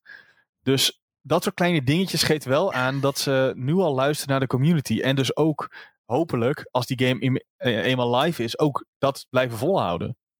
Ja. Ja, sowieso eh, is het eh, ver- verkrijgen van loot super belangrijk in die game. De, de manier waarop je character gaat opbouwen is enorm belangrijk en echt strategisch nadenken. Bijna Dungeons and Dragons-achtig hoe slim je je personage moet opbouwen. ook met vrienden samen moet werken om, om die game uiteindelijk eh, echt uit te spelen. Dus niet alleen endgame halen, maar ook dat te voltooien. Ja, dat gaat best wel pittig worden. Dus eh, ja, dat soort dingen als loot caves en zo, dat eh, gaat gewoon enorm belangrijk zijn. En ook dat ze daar snel ingrijpen als er iets een beetje broken is. Dus ja, lekker bezig. Ehm, ik zie even, wat had ik nog opgeschreven hierbij? Oh ja, een vraag net die voorbij kwam in de uh, Twitch-chat die hier een beetje bij aansluit. Want het, ja, het nieuws was een beetje dus dat ehm, de Microsoft en Bethesda deal rond was. Dat heeft natuurlijk ook heel erg te maken met Game Pass, omdat eh, waarschijnlijk die titels dan ook op dag 1 naar Game Pass zullen komen. Ehm, nou, daar wordt Julien weer heel erg blij van, denk ik. yeah, Game Eh, Pass. Woe. Yeah. Ehm, maar daarnaast was trouwens ook eh, bekend dat Skyrim en andere Bethesda games een FPS boost krijgen op Xbox Series X. Dus ook Fallout 4 en Fallout 76. Nou, hartstikke lekker lijkt me. Gewoon wat eh, extra FPS'jes erbij. Leuk moment om die games eh, nog een keer op te pakken voor de honderdste keer.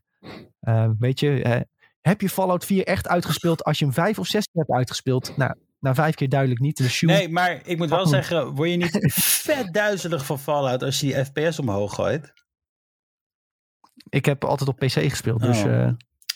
Voor mijn gevoel ga ik, Ja, dan sowieso al die hoge FPS. volgens mij ga ik, uh, Die ik ga hadden denk we ik al, ja. kotsen eh, als ik het probeer, zeg maar. Maar ik ben wel benieuwd. Nee joh, dat is echt super Nee, joh, lekker je moet toch juist kotsen van 30 fps? Nee, ja, ik, maar ik, ben, ik ben een oude man. Ik ben een oude, fragiele man. Ja, zijn Eh, ogen zijn maar ja. 30 fps. Ik heb nog een... eh, maar je gaat toch niet naar een speelbare PowerPoint presentatie Natuurlijk kijken? wel. Ik heb nog, ik heb nog zijn hele beeldbuis tv en al. Ik, eh, Nee, maar Nou, ik, ik ga het wel. Ik, ga het wel even proberen, ja. Ik, ik, ik, maar sowieso, hij staat nog steeds klaar. Hij staat geïnstalleerd. Ik wil het, ik wil het een keertje opzetten. En, eh, en, maar dan ben ik gelijk bang dat ik niks anders meer speel. Dat is het gewoon. Ja, dat is gevaarlijk. Dat is gevaarlijk. Maar, Maar- dit is waarschijnlijk dus wel wat ze bedoelen met... we willen dat Bethesda games het beste spelen op Xbox. Jullie krijgen...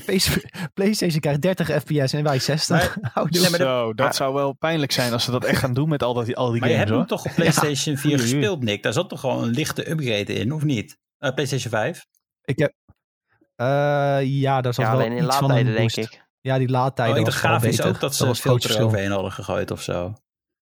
Nee, volgens mij Nee, niet. doet PlayStation Nee. niet aan. Maar dat vind ik ook echt ontzettend jammer aan eh, de tactiek van Sony. Want eh, ja, hoe goed eh, Microsoft daarin in- investeert, dat vind ik, vind ik echt top. Moet je je eens voorstellen als jij die Bloodborne gewoon met een HDR-laagje had kunnen spelen. En met 60 fps. Dat was toch geweldig geweest? Ja, Ik vind dat echt ja dat eh, was wel eh, echt eh, veel beter geweest. Maar ja, goed. eh, zo zonde. Want eh, ook Sony heeft echt gewoon een geweldige backlog aan eh, geweldige titels. Die gewoon nu nog steeds eh, geweldig speelbaar zouden zijn als ze dan even zo'n HDR-laagje, even een, eh een resolutieboost en even die FPS-boost eh, eroverheen eh, hadden gezet. Maar dat HDR-filter van Xbox is wel echt, van Microsoft is wel echt heel ziek, hè? Ik weet niet. Maar jij liet ook een foto zien van Ninja Gaiden volgens mij, toch? Deel 2? Ja, dat ziet er gewoon echt uit als een game die nu uit had kunnen Ja, komen. dat zeg was maar. echt bizar. Dus dat hebben ze echt wel goed voor elkaar. Dat is de andere kant. Ik denk dat dat best wel wat gekost heeft om dat zo mooi te krijgen. Ja, het- zeker. Daar heb, heb vast veel tijd, eh, tijd en moeite in gezeten. En ja, Microsoft is vanuit huis uit misschien ook meer eh, ja, die software, software maken die daar dan in gespecialiseerd is. Dus ja, maar Sony, kijk- Sony heeft weer de focus op andere dingen. Maar ja, ik vind, ik vind dat wel jammer. Ja, het is leuk, want je, je Als- backlog als- krijgt een heel nieuw tintje, zeg maar, om het zo te zeggen, door dat filter alleen al. Ja, maar als dadelijk Xbox eenmaal gaat draaien, al die first-party studios die zijn nu allemaal bezig met games maken. hè. Die zijn echt flink aan het werk, flink aan het knallen. Als dadelijk eh, over een paar jaar, als je opeens een rits hebt van tien jaar aan zieke games, ze hebben die Game Pass, eh, ze hebben die Bethesda overname met een paar gekke games. Nou, dan mag Sony wel weer in Ja, zijn schoentjes op staan te bibberen, hoor. Ja, die moeten echt op gaan passen, want die, hè, die zitten nu wel een beetje op een troon en een beetje tof te doen. Maar Xbox die komt er echt aan hoor. Met die, als die eh, first party eh, eh, games die, als die een beetje aanslaan dadelijk. ehm, en in combinatie met Game Pass. Nou, dan gaat die Xbox verkopen als een gek. Dat kan echt niet Ja, anders. maar je moet Sony Ze hebben zoveel goede ook dingen. nog steeds niet onderschatten. Want die zitten nog steeds met al die hele goede studio's, werken Sony ook nog steeds samen. Als je ja, bijvoorbeeld Square, tuurlijk joh. Die, die zitten ook Square al... Enix, eh, Goed, maar- qua Final Fantasy, eh, ze hebben dan nog Naughty Dog en al die dingen. En die, die, weet je, dat gaat gewoon ook nog heel goed. Dat loopt ook als een tiet, zeg maar. Ja, Ja, de tuurlijk. Maar concurrentie is alleen maar goed. Sony die blijft gewoon zijn gangetje gaan. En Microsoft die is gewoon bewust bezig naar vooruitgang. En ja, je, je weet hoe dat gaat. Eh, stilstand is achteruitgang. Dus als, als Sony niet ook eh, het tempo gaat opschroeven, dan gaat Microsoft ze echt wel een keer voorbij streven. Dat zit er wel Ja. aan te komen. Of we krijgen straks een PlayStation Switch. Het is wel een beetje afhankelijk hoe goed die first party titels van Xbox allemaal worden. Die nu in de, in de pipeline zitten. Maar goed, eh, daar Ja, dat is, hebben we hoge verwachtingen van dat is denk ook ik. de vraag. hè. Want ik weet nog wel dat Sunset Overdrive toen, wat echt het ding zou worden voor de Xbox. Heeft iemand het überhaupt gespeeld van jullie? Ja, ik Was heb het gespeeld. leuk? Want ik, ik, ik, ik, Ja man, dat is Ja? echt een geweldige Dan game. moet ik het echt een keertje oppakken. Ja, want het leek me game. uiteindelijk dacht echt van, is dit het nou, weet je wel? Dus ik moet misschien maar een keertje... Was dat niet eh, Jordan zijn favoriete game aller tijden of zo? Ja, sowieso op Xbox. Hij, eh, heeft hij, dat, eh, hij zou het sowieso een 10 geven volgens mij. Ja. Maar sowieso eh, Insomniac is hij wel een heel groot fan van. Dus- Ja, Maar is dit niet het hele ding dat, dat het Xbox dus zo duidelijk nu die andere strategie toepast, dat het misschien hun, hun first party titels uiteindelijk niet meer uitmaken? Als jij maar een Game Pass hebt op een Xbox. nou ja, natuurlijk. Maar je moet ook zo zien, een, een, een Halo blijft wel een system seller, denk ik. Qua fanboys. Ja, tuurlijk. Maar wat als Game Pass de system seller wordt? Ja, dat, heeft, dat moest het Snap nu toch zijn? Dat is toch een beetje met de launch gebeurd?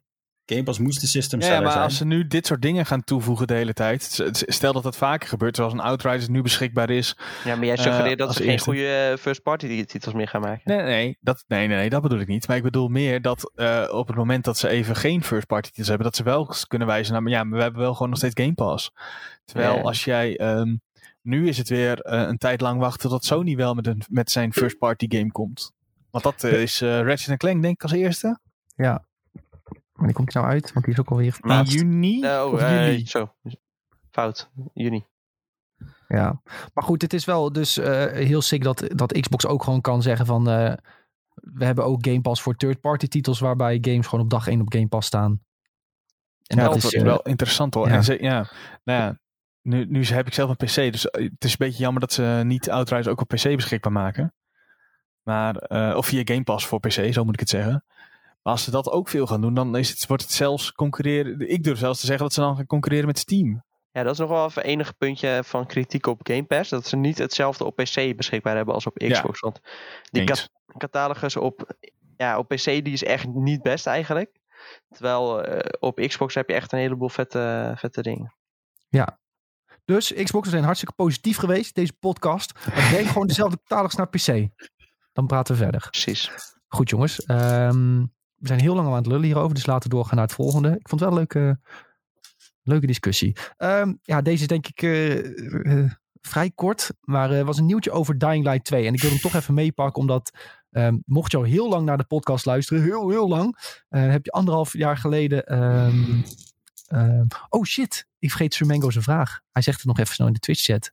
Ja, Ehm, we kunnen hem nog wel even kort behandelen, want ik, vind hem wel, eh, ik vond hem wel leuk. Ehm, welke Bethesda games denken we dat er nog naar PS5 komen? Ehm aangezien Allemaal. eh, eh, Bethesda dus nog, eh, nee, ik denk, aangezien Bethesda nu onder Microsoft valt, wat, wat komt er nog naar PS5? ik, de- Alle grootste ja, titels sowieso. ik denk de Bethesda Ja. Game Studio titels, die gaan nog allemaal, en, en de kleinere titels die niet, nee, van de andere studio's die ze hebben. Nou, ik verwacht wel dat de Elder Scrolls uiteindelijk wel zal komen. Nou, Maar Ja, misschien tuurlijk. dat ze gaan werken met tijdelijke exclusiviteit of zo. Dus dat ze ehm, die game eerst naar PC en Xbox brengen. Eh, als je het hebt over bijvoorbeeld Elder Scrolls 6 of eh, eh, Starfield. Denk ik zelfs ook niet. Eh, Nee, denk ik ook niet. Misschien DLC of zo, dat Ja. later komt. ja, dat zou of ook zo. kunnen. Maar goed, eh, ze hebben ook al wel gezegd eh, eh, dat, ehm, dat, ze, dat ze niet per se iets willen. ehm, dat ze niet per se willen, willen fucken met, eh, met het overal kunnen uitbrengen van Bethesda's games. Hè, daar willen ze niet te veel mee modderen. Ehm, alhoewel ze daarna ook wel hebben gezegd Nee, dat ze ja. wel, redelijk, wel wat exclusiviteit willen. Of eh, het beste willen draaien bij hun. Maar eh, ja, het, het, ik denk dat, dat, dat daar nog wel discussies over gaande zijn binnen het bedrijf. Wat ze daar precies mee moeten doen. Ik denk maar- niet dat ze daar nu al eh, een, definitieve beslissing over hebben Maar gemaakt. je koopt een studio op en je wilt nog steeds dat ze het verdienmodel in feite hebben waarvoor je het hebt gekocht. Dat er nog steeds die inkomstenstroom is. Dus je snijdt jezelf in feite in je eigen vingers. Al zeg je dan ja, alle grote Bethesda games komen niet meer naar eh, PlayStation. Om het zo te zeggen. Dat zou gewoon heel stom Ja, zijn. en, ik, en ik denk ook dat het bela- belangrijk is dat ze zich niet omdopen naar eh, eh, Microsoft Studio Bethesda of zo. Maar het blijft toch Bethesda gewoon. ja, Eh, en want als ze dat zou doen, kijk, dan eh, word je een Sony Studio eh, XXX bijvoorbeeld, zoals ze dat eh, eh, daar hebben. ja, Ehm, snap je? Dus het is nog niet alsof, het, alsof Bethesda fulltime alleen maar voor Microsoft bezig gaat, denk ik in ieder geval. Nou, Ik denk wel dat Microsoft heel veel baat heeft als ze heel veel gaan verkopen. ja, maar kijk, stel. ehm, stel die, die eh, hè, ehm, Elder Scrolls 6 komt uit. En eh, die game komt ook gewoon naar PS5. Mhm. dan ga je nog steeds hebben dat stel je koopt een kopietje voor PS5, een groot deel van dat geld gaat echt niet naar Sony. Het grootste procentuele deel van de omzet van zo'n verkochte schijfje, dat gaat gewoon in de broekzak van Microsoft. Dus wat maakt het nou voor hun uit dat die game eigenlijk ook naar PS5 komt en, en dat zij daar een paar procenten van pakken? Ehm, in principe pakken ze gewoon waarschijnlijk fantastisch veel geld mee om die game ook nog steeds op eh, PS5 uit te brengen. Ja, 100%. Als jij die game daar ook gewoon op uitbrengt, ja, miljoenen exemplaren extra verkoop je dan. En ja, dat er dan een klein bedrag daarvan eh, naar Sony gaat, ja, so be it. Ja, ik denk dat je daar eh, onderaan de streep hou je daar gewoon nog veel meer Wat je aan wel over. nog steeds kan Ja, doen 100%. is de, de beste experience inderdaad bieden op een eh, Xbox console of op een, op een PC. En dat je daar dan iets mee gaat verzinnen inderdaad. Eh, dus dat je het wel iets aantrekkelijker maakt. Zo van, hey, weet je, je kan de game op PS5 spelen, maar als je hem op de Xbox speelt, krijg je dit. Eh, dit extra dingetje of dat. Eh, en, en En ik denk dat dat het meest Ja, rendabele is voor ze. En wat ik zeg, dus natuurlijk die kleine studio's, dan heb ik het over de arcane en zo, die kunnen wel bijvoorbeeld eh, exclusives gaan maken voor, voor Xbox, denk ik. Ja. Maar echt de, de BGS Ja. games niet, nee. En ik denk ook dat ja, zo'n titel uitbrengen dan op PlayStation maakt het ook mogelijk om zo'n titel weer gratis aan te bieden via Game Pass. Juist daardoor Ja. kunnen ze dat soort eh, dingen doen. Ja, die inkomsten moeten wel ergens vandaan gehaald worden. Ja, en dan gaat het echt niet eh, om een paar procent die je maar pakt van die PlayStation games. Hè, want als je, ja, als studio pak je daar gewoon het, het grootste aantal procent op. Ja, digitale sales, eh, ja, dat is gewoon, pak je 70%. Volgens mij gaat 30% naar Sony. Ja. Maar goed, ehm, dat was een beetje een notendop uh, over de Bethesda games die nog naar, PS, uh, naar de PlayStation komen waarschijnlijk. Um, volgens, uh, volgens die gasten zelf willen ze daar niet, niet te veel mee knoeien. Dus we gaan het zien. Als ik, als ik nog even een, maar als, als gamer zijn is het toch ook het leukste dat die game gewoon overal op uitkomt. Want als jij nou een PlayStation 5 hebt en je kan helemaal geen Fallouts meer spelen, dat zou toch echt naar zijn. Ja. Dat, dat wil je mensen ook niet aandoen dat. Ja, ik vind exclusiviteit ook een beetje naar überhaupt hoor. Of die hele ruzie op internet van oh, uh, mijn PlayStation gamepje komt naar PC. En dat is echt niet eerlijk, want nu kunnen andere mensen ook die game spelen. Ja, dat toch op, ja bij Horizon was dat toch ook zo'n heel ding? Ja. Echt heel triest vond ik dat. Echt, uh, moet, ik krijg een beetje kots van in mijn mond, weet je wel. En dat zijn die mensen die hebben PlayStation stuk geslagen op het internet. En die, hebben, en die, en die zitten nou te huilen dat ze geen PlayStation 5 kunnen krijgen. Ja. Maar goed jongens, uh, laten we doorgaan met uh, Dying Light 2, waar ik net dan een klein introotje van deed. Um, we hebben het er denk ik anderhalf jaar geleden uitgebreid over gehad nadat we de game hadden gezien uh, tijdens de E3 2019. Uh, fantastische demo die ze hebben laten zien. Um, Techland heeft nu wel gezegd van misschien hebben we iets te vroeg iets te veel laten zien. Want ze waren, moesten nog best wel veel doen aan die game. Maar de ontwikkelaar heeft nu gezegd, ondanks het feit dat het een beetje stil is rondom onze game, willen we jullie uh, ervan verzekeren dat we niet in ontwikkelingshel zitten. Dat is in principe goed nieuws. Alhoewel er ook heel veel slechte berichten zijn rondom Techland. Um, slechte werkomstandigheden. Werknemers die niet goed, worden, niet goed worden behandeld. Dus dat is een beetje zorgwekkend. Um, maar goed, wij hadden echt enorme verwachtingen van Dying Light 2. Um, ehm, en rondom dit nieuws ben ik wel een beetje benieuwd wat, uh, wat de verwachtingen nu zijn van ons. Zijn die een beetje bijgedraaid? Zijn die nog steeds hetzelfde als na de E3 2019? En dan kijk ik denk ik voornamelijk Sven en Julien aan. Omdat jullie, ik weet dat jullie die demo ook toen hebben gezien. Nee. Heb jij het toen niet gezien? Ik moest op jullie wachten. Julien moest wachten op mij, volgens mij. Of, ja, alle twee. keer. nee, wij moesten wachten op Sven. Nee, maar ik, uh, maar ik heb ook een keer nog op Nick moeten wachten of hij bij de demo was. Volgens mij was het precies dat ik daarom, daarom ook zoiets van, ik heb niks met die game. Ik heb moeten wachten op mensen. uh, ja, nee. Ik heb het zelfs nog gezien op Gamescom 2018. Ja. Zo sick. Dit is gewoon weer het cyberpunk jasje verhaal helemaal uh, opnieuw, zeg maar. Ik heb... Nou, daar ben ik ook heel erg bang voor op dit moment. dat het echt een cyberpunkje wordt. Want die game die zag er gewoon te, te goed om waar te zijn uit. en dat was cyberpunk ook een beetje.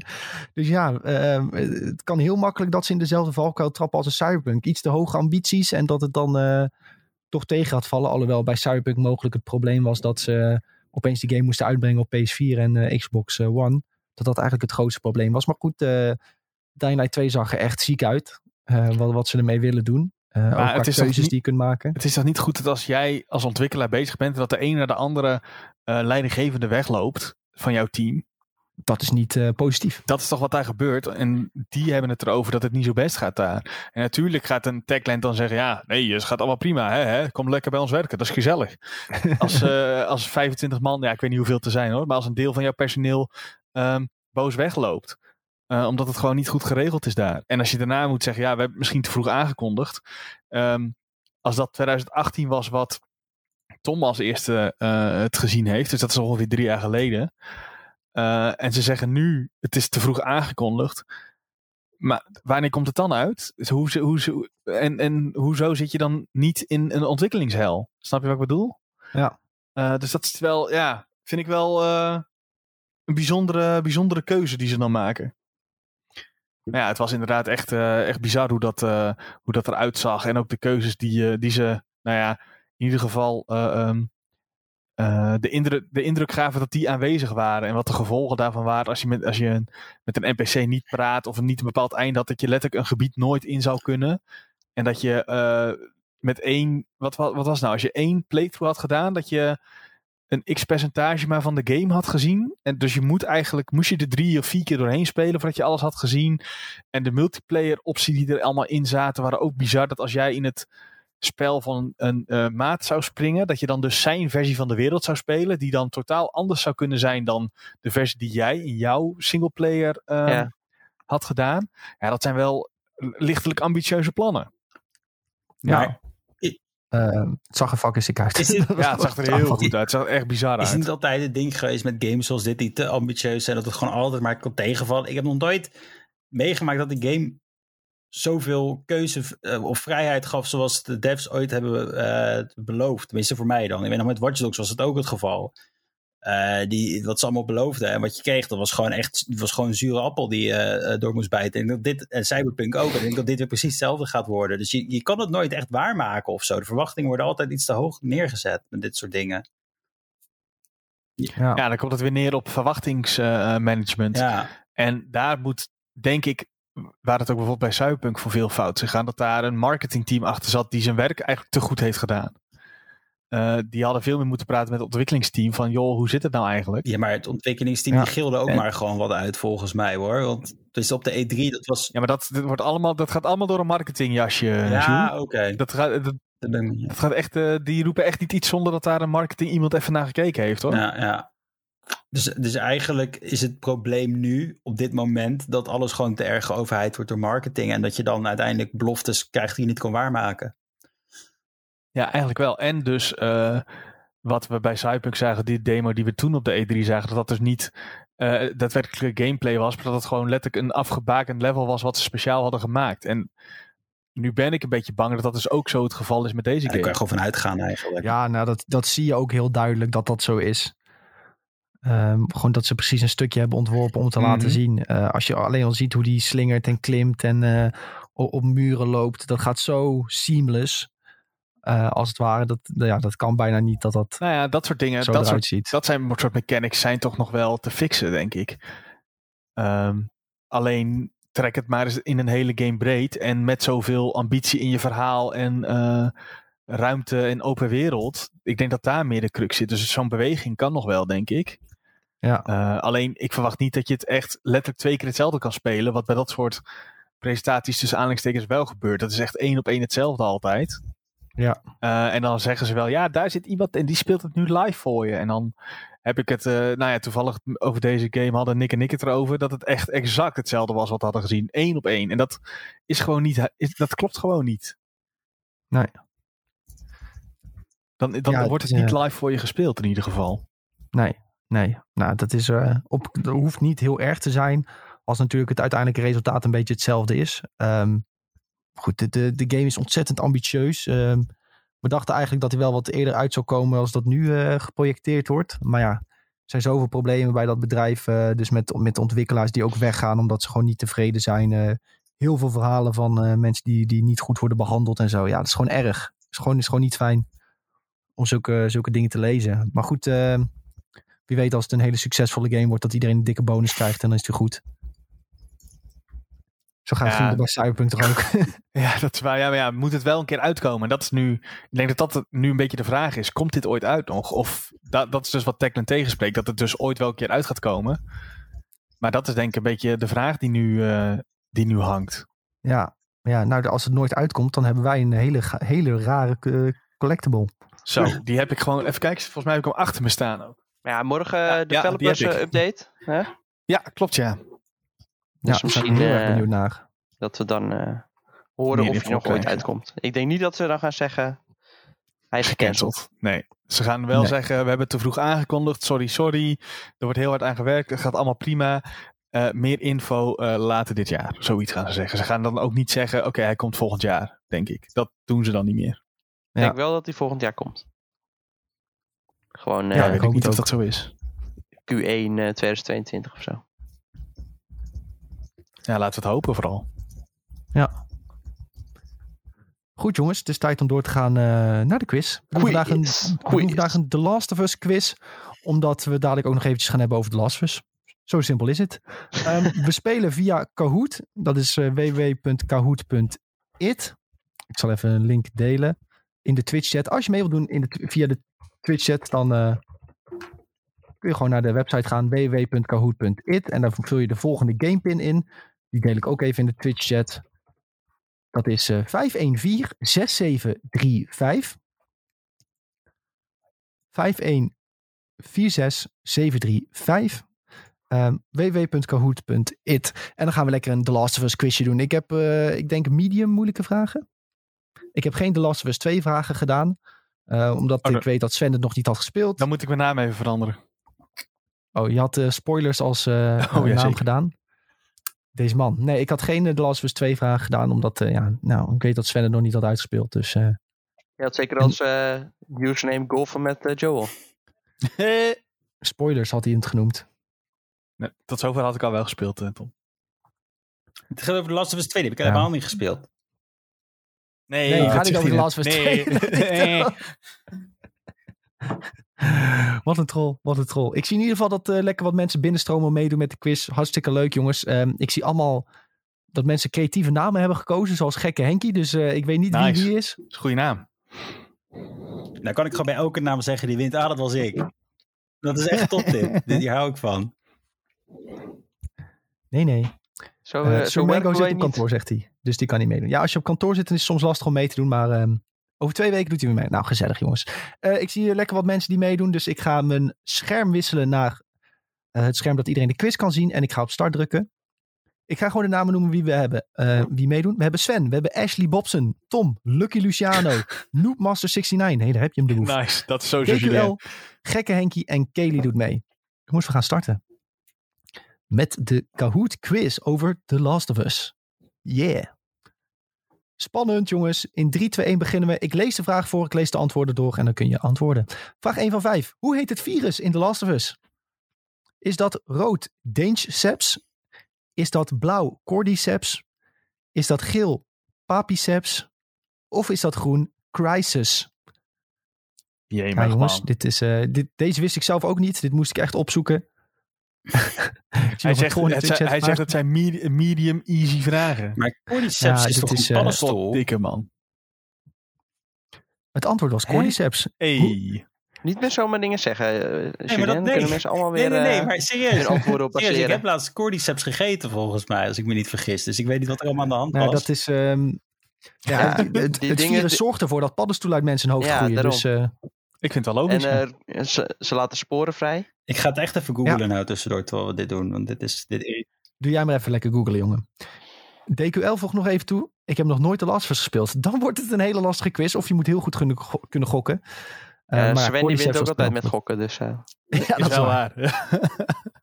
We gaan door eh, naar de volgende.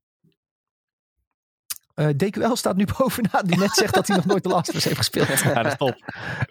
maar Tom staat gelijk aan eh, met aantal punten op 2. We gaan door naar vraag 2. Vraag 2 is: hoe lang is Ellie al infected wanneer ze Joel leert kennen? Oeh. Is dat rood 10 dagen? Is dat blauw 2 weken? Is dat geel 3 weken? Of is dat groen een maand? Normaal, als je infected bent, dan ben je na een paar dagen word je al een eh, zombie als het ware. Ehm, en Ellie die is dus al langere tijd infected, waardoor eh, ze weet dat ze tegen het virus kan. kun je nog een keer de Rood antwoorden 10 herhalen? dagen, blauw 2 weken, geel 3 weken of groen een maand. Alle antwoorden komen ook op de Twitch stream, hè Tom? Ja, maar dat heeft een beetje vertraging. Dus vandaar dat ik het even vraag. Oh, hij wil gewoon snel zijn. Het goede antwoord was blauw 2 weken. Ja. En die had maar één iemand goed. Dus er gaat nu iemand aan de leiding komen Hmm. waarschijnlijk. Heel veel mensen hadden 10 dagen gezet. En Ja, eh, dat betekent ik- dat Ashley Bobson Ik kan dit bovenaan wel weer staat. gaan betwijfelen. Maar eh, dat eh, heeft ook geen nut. Oké, nou ik heb het van een eh Us trivia quiz heb ik deze. Gewoon op het internet. Ja, ik dacht dat ze pas werd gebeten terwijl ze met Joe op pad was. Maar ja, dat, eh dat Nee, heb ik dus toch? fout. Nee, ze wordt nog een, ke- ze wordt, eh, nog een keer gebeten volgens mij. Klopt dat nu? Dat terwijl ze met Joel is, wordt ze nog een keer gebeten of zo. Oh, Klopt dat wat ik nu zeg? Misschien wel, misschien niet. Het zit helemaal aan het begin dat ze worden gecontroleerd. En dat, eh, dat toch al blijkt dat ze geïnfecteerd is. En dan ja, zij is al infected en als ze elkaar leren kennen. Ja, dat precies. 100%. Ja, ja. Ehm Helbichtje zegt, dacht dat ze gebeten was in die DLC. Oh ja, misschien herinner ik, herinner ik me dat zo. Eh, dat ze, ja, ja, trouwens, dat klopt trouwens, ja. Helbichtje, dat klopt. We gaan door. Vraag 3 van 5. Hoeveel dokters moet je op het einde van de game vermoorden om Ellie te redden? Is dat één dokter, jeetje. twee dokters, drie dokters of vier dokters? Jemig, man. Eh, Ja, dat wist ik. Deze heb ik ook gewoon van een trivia quiz. Want ik zat even te denken wat ik kon doen. En ik vond het wel een grappige. Ehm, er zijn, mogelijk zijn er meer dokters op het einde. Maar er is een bepaald aantal dat je moet Ja, killen shit. voordat je haar kan redden. Oh, Het goede antwoord was één dokter. ja, en die dokter is uiteindelijk... Oh nee, oh, wacht. oh, dat- dat- oh. Ja, weet ik al. Oké. Ik, Ja, eh, dit weet ik al. Ja, oh, Nee, Ja. spoilers. Ik zal geen Ja, zelfs spoilers noemen voor de maar Last of Us 2. Ja, maar, ja, spoilers. Het is belangrijk voor de Last of Us 2. Ja. Ehm, ik heb ze allemaal vermoord volgens mij. Maar je moet er dus in principe één vermoorden om Ellie te kunnen redden. Eh, Dat is eh, blijkbaar de crux van deze Ik ben vraag. zo terug. Eén moment. Wij gaan maar gewoon door zonder me hoor. Julien denkt, ik heb, toch, ik heb toch al gewonnen, dus ik hoef niet meer mee te doen. ik sta Julien, eh, bovenaan nu, dus maakt me niet meer uit. Zo! Ashley Bobson staat eh, met drie goede antwoorden op een rij dik bovenaan. Lucky Luciano op twee. Gekke Henkie op drie. Wel Ik besef nu pas dat Ashley Bobson waarschijnlijk Bob is. Is dat Bob? Ja, Nee, dat is zou zo Julien. kunnen. Is, is Julien Ashley Bobson? Ik heb geen idee meer. we, gaan, eh, we gaan door naar het volgende. Vraag 4 van de 5, jongens. Op welke locatie is Ellie gebeten? Jee, Waar was Ellie toen ze werd gebeten door een zombie? Was zij in een riool, rood? Was zij blauw in een winkelcentrum? Was zij geel bij de Fireflies? Of was het groen in een appartement? En het, er, er is net gezegd door Helbiggetje waar het Oh, was. echt? Ja, Shit, maar ik weet het niet eens meer. Dat was in de DLC, heb je dat gezien? En ik heb Ja, de DLC toevallig ik heb ja, die gezien. weet ik het nu wel, maar dan heb ik het verkeerd ingeklikt waarschijnlijk. Maar dat maakt niet uit. Rood riool, blauw winkelcentrum, geel Fireflies, groen appartement. Ja, dan heb ik denk ik, ik heb nu het Oh, verkeerde kom gedaan. aan. Oh nee. Nee, Julien gaat nog snel antwoorden. nee, dit weet ik. Kan nog, Op Jules? welke locatie is Ellie gebeten? Oh, dat weet ik. Ja. Het was eh, blauw het winkelcentrum. Ja, toen je dat zei, wist ik het. zich af. Ja. Ja, ja, ja, Helbiggetje had het al een beetje verklapt eh, in de Twitch-comment. Daarom stopte ik net ook maar snel met praten. Omdat ik al hoor. door had dat ik opeens een vraag zat te spoilen. Maar het was inderdaad het winkelcentrum. Drie mensen hadden dit Ik ben goed. gelijk van negende plaats naar vierde plaats gegaan. En Ashley Bobson, die had het eh, weer goed. Vier antwoorden goed. Jongens, wie in de Twitch-chat is Ashley Bobson? Daar ben ik wel benieuwd naar, want die weet alles. Misschien is het wel Bob inderdaad. Ja, Ehm, moet wel. Gekke Henkie op twee, Lucky Lu- Luciano op drie, Noobmaster op vier. Dat is Julien Julien. op vijf. Julien is Noobmaster. Julien is Noobmaster, ja. Oh ja, het is Bob inderdaad. ja, Zie je wel? het is Bob. Ja, ja, ja. Kon Ja, ook Bob mag van mij winnen. ja, Bob is ook altijd scherp met dit soort dingen. Nee, ik ben helemaal vergeten te zeggen. Hadden we niet de prijs voor deze? Eh, nee, nog niet. Nog niet. Oh, Toch? nog niet. Oké. Ik, ik heb daar niks meer van gehoord. Jeetje, maak jij de mensen blij met een dode mus, Sven? Ja. Zo, dat is erg, helemaal- Dit keer gaat het echt gebeuren, was het nog. Ik heb daar niks meer over gehoord. Dus, eh, Jawel, ja, je bent... Nou, maakt niet uit. a- a- anders, eh, al mocht Bob winnen, dan stuur ik hem dan later nog wel een berichtje. Ja. Ehm, naar het volgende, jongens. De vijfde vraag.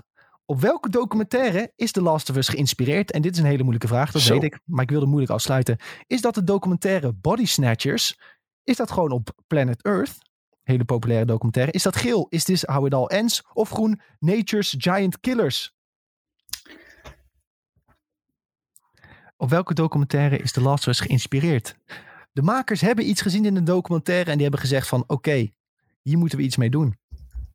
En dat was inderdaad Planet Earth. Jongens, dat was het eh, goede antwoord. Want wat hadden ze nou gezien? Er is een virus bij mieren Oh, eh, ja. die vergelijkbaar is met het virus dat je ziet in, bij de zombies in The Last of Us. Dus dat er eh, gekke dingen uit hun hoofd Ja, groeien. het is letterlijk een schimmel die dat doet. En dat gebeurt dus bij mieren. En dat hebben ze besloten om dat toe te passen in The Last of Us. En daar is het, daar is het grotendeels op gebaseerd. Jezus. Het hele verhaal. En dat was te zien in Planet Earth. En twee mensen ik hadden dacht op goed. Body Snatchers is een fictiefilm en jij zei documentaire. Toch? Eh, ja, ik heb, maar gewoon, ik heb maar gewoon wat gepakt. Wat een vervelende quiz was dit, was dit zeg. ja, je hebt echt helemaal geen reet aan de Last of Us gespeeld te hebben bij deze quiz. Tom is gewoon echt boos ook. Nee, maar Ja, dat ik had ik ben een beetje oprecht heel boos, ja. Hij wou zo graag die prijs winnen, jongens. Dat niet? nou? Er was een vraag waar Ellie is gebeten. Dat zat in de DLC. Er was een fucking winkelcentrum. Die was, die was al Volgende keer klik ik gewoon bij iedere eh, quiz eh, het alleen het blauw vakje in. En dan eh, heb ik waarschijnlijk Ja, gewoon ook alles er zaten, er zaten wel echt, Ik heb je nog nooit zo salty gehoord, Tom. er zaten wel echt veel blauwe antwoorden tussen, moet ik zeggen. Dat viel me ook op. Ja, dat is Je moet echt... een beetje niks, niks Ja, maar- een beetje Ja, je, moet, ze wel- je moet wel soms het eer het goede antwoord ook op een ander vakje doen, ik. Maar jongens, is jullie nog... Had jullie do- docent op de middelbare school niet die tactiek om gewoon acht antwoorden op A te zetten achter elkaar? Om je op het verkeerde pad te leiden? Is dat nooit gebeurd? Ik gok Nee. altijd A, ik had altijd tien. Ik, hoe, wacht even, ik snap echt niet dat je zo salty kunt zijn. Deze man is Maar- zo Nee, boos. Mee. Ik, weet, je wat het, weet je waarom ik niet had gevraagd van eh, wie ontmoette Joel en Ellie eh, op dit stukje in de game? Omdat ik dacht van ja, dan moet je echt de game gespeeld hebben. En nu dacht ik, nu kan iemand die niet heeft gespeeld ook nog een beetje meegokken. En Bob is de uiteindelijk winnaar met vier van de vijf goed. Gek Henkie op twee, Noobmaster op drie. Dus, wie, dus niemand van de redactie staat boven mij. Daar komt en het ik heb, ik heb dus helemaal niet de Last of Us gespeeld. Er staat hier get feedback en dan zie ik een reactie van Tom. Maak betere quiz. Oh. Maar net zijn nog... Nee, net zijn nog... want ik, ik wou, even- ik wou, ik Nee, wou nee, even nee. triggeren, Tom. Net zijn nog niet wel Ik wou je triggeren, Tom. Ik heb alleen de Last of Us 1 Ah. Ik ga je zo goed op. Ik heb alleen de of Maar dat was ook de, vraag ging ook alleen het ja, dat- Dus, dus Ja. op zich, en de DLC ook. Eh, maar hoe, ja. hoe kun je zeggen dat ik geen vraag heb die je kunt weten als je Last of Us hebt gespeeld? Er was een vraag hoe lang Ellie al infected is. Ja, maar dat kwam uit de Eh, DLC. Op welke locaties is gebeten? Nee, Dat kwam ook uit de DLC. hoe lang ze al infected is, dat zegt ze tegen Joel volgens mij. Hoe lang, wanneer ze is gebeten. Dat Ja, het al zit langere tijd geleden is. Dat zit in de game. Ja, ja. Want Joel zegt, wanneer ben je gebeten? Rrr, Omdat, zij op, omdat hij opeens Ja. ziet dat hij is gebeten. En eh, snap je? dat Dan komt hij in het erachter. begin ook. Redelijk in het Ja, begin, maar de eerste paar weet je, ik uurtjes. moet dat, dit, dit, Hoeveel dokters je moet vermoorden op het ja, maar einde? dit weten Ja, alleen, vooruit. ja, nee, dit weten de- alleen de echte fans, hè? Dat is wel... het eh, goed, Jullie en Ultimate kuttrol. Ja, echt hè. ik, ga heel goed, ik ga heel goed erop. Maar jongens, ik neem de feedback ten harte. Mocht er weer een quiz zijn, dan ga ik gewoon letterlijk vragen... Doe er verder niks ehm, mee. wat is het laatste wapen dat je kunt krijgen in de game? Wat is het antwoord, Zo, Tom? dat is heel irritant. Was, die had ik ook gezien bij een trivia quiz. Ja, wat Oh. is het laatste wapen dat je kunt vinden in de game? Een shotgun. Wel multiple choice nodig. Nee, shotgun heb je Is toch al veel eerder. Ja, is dat A, shotgun? Is, Oh, dat, zo. B, is dat B, een AK? Is dat C, eh, crossbow? Of D, eh, longbow? Crossbow. Nee, fout. Het was een AK. Jammer. Ik Oh. dacht dat je deze vraag goed zou hebben omdat je de game had gespeeld. Nog even, even ik, ik zie dat, dat het zoutvaatje gaat even volledig eh, die wond in. Ja. Dit is wel mijn, Nee, ja, volgende keer doe ik gewoon helemaal niet meer mee. dat dingen. Weet je wat? Volgende week mag Sven de quiz maken, ja? Oh, ja. Zullen we, eh, ja, maar oké. we moeten het dan nog wel even hebben over die prijzen, Nick. Ja, ehm, jij hebt blijkbaar iets gezien wat ik niet heb gezien. Dus eh, Ja, nee, ja, oké. Hier komen wij eh, op terug. komen we op terug. Volgens mij zeggen we dat vaker, maar eh Ja, excuses dus ik de- schrijf dit nu op. Sven schrijft het nu op. Oké.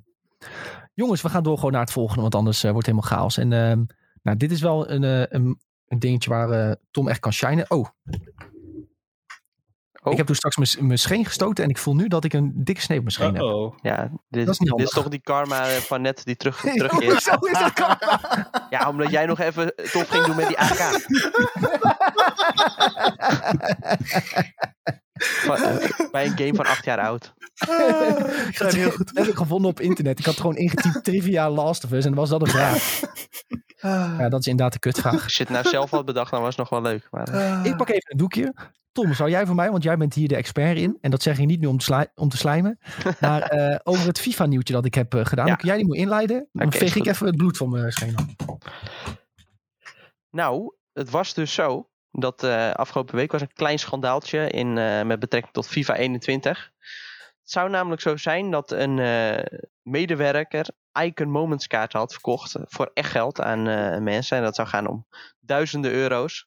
Honderden euro's tot duizenden euro's. Voor, eh, ik geloof voor een bedrag van iets van 1000 euro kon je drie Icon Moments kaarten krijgen en twee Team of the Year eh, kaarten. Nou, eh, het is zo voor mensen die eh, de game niet hebben gespeeld. Dat eh, in FIFA 21 Ultimate Team bouw je aan een eigen team. En eh, dat doe je vooral door veel te spelen. Maar ook eh, door een klein beetje geld in te steken. Als je daar eh, iets sneller bij die spelers terecht wil komen. Maar die Icon Moments kaarten, daar moet je gewoon echt honderden uren voor spelen. En honderden euro's insteken. En eigenlijk heb je ze dan nog niet de kans om deze kaart te hebben. Het zou dan gaan bijvoorbeeld om Moments Ronaldo, de dikke versie. En Moments Ruud Gullit. Eh, moments Maradona, Moments Cruyff, dat soort kaarten allemaal, weet je wel. En eh, nou ja, via medewerkers eh scheen het dus zo te zijn dat zij deze kaarten dus wel op jouw account konden zetten. Dus wat eh, gingen mensen doen? Gingen ze met een medewerker een prijsafspraak maken. En dan maakte je 1000 euro over. En dan de volgende week maandag, dan had jij die spelers op je account. Nou, ontzettende rel natuurlijk. Want eh, deze kaarten zijn voor niemand eh, zowat beschikbaar. Maar mensen hadden toch een heel team vol met de allerbeste kaarten. En dan zegt iedereen natuurlijk, ja, eh, ik steek er ieder jaar wel een flink geldbedrag in. Maar ik kom nog niet eens tot deze kaarten. Dit wil ik ook wel. Dus gigantische rel en eh IE zichzelf verdedigen, statement naar buiten ge- gebracht. En nu zijn ze dus ja, gestart met een soort onderzoek. eh, waarin ze zeggen van eh, ja, we begrijpen dat dit oneerlijke eh, balans creëert in de game. En oneerlijk is eh, wat betreft competitie. Maar daarmee komt eigenlijk gewoon gigantisch probleem aan het licht. Dat deze hele game mode van geen kant klopt. En ja, dat is eigenlijk het grote, ja, het grote gevolg daarvan. Dat mensen meer daar kritiek op hebben dan specifiek op ja, dat dit is gebeurd. Want ja, dit is dan een eenmalig iets dat is gebeurd. En EA zegt dat ze voor de komende tijd geen spelers meer op mensen hun account gaan zetten. Want dat was ook nog een ding dat ze normaal gesproken uh, gunnen ze dit soort kaarten gewoon aan uh, ja, bekenden en aan voetballers. En die mogen dan drie kaarten uitkiezen en die krijgen ze dan op hun account. Maar nu was het dus zo dat mensen echt geld voor hebben betaald. Dus dat is eigenlijk een beetje samenvatting van wat er afgelopen week binnen FIFA-landschap gebeurd is. Ik, vind het, ik vond het bizar nieuws om te lezen. Ja. Um, ook omdat er gewoon bewijs bij was op Twitter van mensen die screenshotten dat ze letterlijk in de EA-chat zitten met, uh, met die medewerkers. Die gewoon zeggen, ja maak even duizend over, dan stuur ik je die kaarten. En het was ook niet één ja. screenshot. Hè? Het waren nee, echt, het waren echt een heleboel verhalen die naar boven kwamen. En gewoon meerdere accounts en meerdere filmpjes. Dus ja, waar ook is vuur. De kans is echt heel groot dat dit gewoon echt gebeurd is. En het is ook bizar dat mensen duizend euro over hebben voor een kaartje. Ja, maar ja, moet je je voorstellen dat je anders uh, 1000, 2000 uur moet grinden voor uh, zo'n kaart. En dan heb je nog steeds die kaarten niet. Nu is het redelijk laat in het jaar. Dus al zou je dit in het begin van het jaar doen, dan uh, zouden. Ik denk dat heel veel mensen dat er dan gewoon voor over zouden hebben. Maar moet jij voorstellen dat jij de beste armor set in World of Warcraft kan, kan krijgen voor 500 euro of zo? Waar je normaal misschien twintig keer moet voor raiden. Of ja, misschien nog wel vaker, weet je wel. Ik weet niet precies hoe dat werkt natuurlijk daar. Maar eh, daar, daar zou je het misschien een beetje eh, mee kunnen vergelijken. Ja, daar, daar, die vergelijking is misschien niet helemaal lekker, omdat de journey misschien iets belangrijker is dan het einddoel. Ja, plus, plus WoW, dat blijf je maar nog tien jaar spelen. En FIFA, dat speel je om het jaar je nieuwe kopen. Toch? Ja, ja. ja dat is waar. Dat is waar, zeker. Ja, dat is ook wel een beetje zuur. Maar is het, is het gewoon niet, Tom, en dat is waar ik een, beetje naartoe wilde met dit nieuwtje. Is er niet gewoon een inherent probleem met hoe FUT nu in elkaar zit? Ja, uh, absoluut. Dat is zeker een uh, probleem. Alleen het andere probleem is dat uh, de aandeelhouders van EA beslissen wat de, de, toekomst van het spel is. En die zien gewoon dat er een heleboel cash binnenkomt. Dus dat betekent gewoon dat zolang er niet op overheidsniveau wordt ingegrepen, dat, het, ja, dat de game eigenlijk gewoon zo blijft. En, ja, kunnen, ze, kunnen, ze, het niet anders maken op een manier die wat eerlijker is, uh, wat minder RNG en alsnog wel een beetje de kern van FUT bewaart? Of ja, is, is er niet nou echt een zonder oplossing? een heleboel geld in te leveren eigenlijk niet. Ja. Ze hebben gewoon nee. een soort van monster geschapen. Je hebt het hier over eerlijk ja. en EA. Dat gaat niet hand in hand volgens mij. Uh. Nee, maar het is wel bijzonder. Want bij alle andere nieuwe games die ze maken, gaan ze nu heel duidelijk inzetten van ja, geen lootboxes en uh, daar doen wij niet meer aan, daar nemen wij hmm. afstand van. En dan is het opeens FIFA, boom. Uh, dit boeit ons allemaal geen reet. Uh, wij gaan gewoon de gekste lootbox scam ooit opzetten. En er zitten een heleboel kaarten in de game die nooit iemand kan krijgen. Het is niet eens zo dat 1% van de game, ja, van mensen die deze game spelen, die kaarten kan krijgen. Het is gewoon echt misschien 0,05% of zo. Maar heeft PES nou ook dit soort problemen of niet? Ja, nee, want daar is het. Ja, daar, ja, en je hebt gewoon veel minder mensen die de game spelen. Ja. Dus de, ja, de populariteit is gewoon uh, veel lager. En het is wel iets, minder, ja, iets makkelijker om daar uh, goede kaarten te krijgen. Maar het is dus ook niet heel erg lootbox georiënteerd die game, of wel? Want ik weet het dus helemaal niet. Ik ben een leek hiermee. Ja, PES is ook wel best wel lootbox georiënteerd. Ah, oké, oké. Okay. Ik ben het zeggen. Dat, anders zou het helemaal makkelijk zijn om dan een keuze te maken, zeg maar. Uh, maar jemig zeg. Ja, goed, ja, en niemand heeft zin om PES te spelen, omdat het gewoon heel erg klunky aanvoelt. En FIFA speelt gewoon fijn. Het is gewoon, uh, ja, zolang er niet wordt ingegrepen op overheidsniveau, dan blijven ze gewoon lekker zo doorgaan. En ook uh, dit uh, hele schandaal, dat wordt weer een beetje weggeveegd door van, ja, er was een corrupte medewerker waar we niks mee te maken hebben en klaar. Ja, precies. Dat, dat is ook een beetje, dat gewoon weer makkelijk af wordt gedaan. En dan hopen ze dat over twee weken dat niemand er meer over praat. Door zo'n ja. statement. En dan, ja, hopen ze dat weer overwaait. Maar ja, we gaan het zien. Ik uh, denk zelf dat dit, uh, hoe FUT nu is opgezet, dat het niet heel lang meer door kan gaan. Ik denk dat, uh, nou ja, komend jaar zal het nog niet veranderen en dat jaar daarna ook niet misschien. Maar ik denk dat, het, ja, dat er wel een nieuw systeem aan zit te komen. Laten we het nou, daar. Ik ben benieuwd hoe ze dat willen gaan doen eigenlijk. Maar goed, we gaan het zien. We gaan het zien. Zeker. Ja, ik ben er ook niet voor om dat voor hun te gaan bedenken. Maar nee, nou, daar, het, kan, daar mogen zij de uren in gaan steken. Het kan zeker anders. Het kan zeker ja, anders. dat is meer, meer wat ik probeer te zeggen. Ja. Goed jongens, dan door naar het laatste nieuwtje. En dat is het nieuwtje waarvoor we de quiz hadden gestart net. En dat gaat over The Last of Us.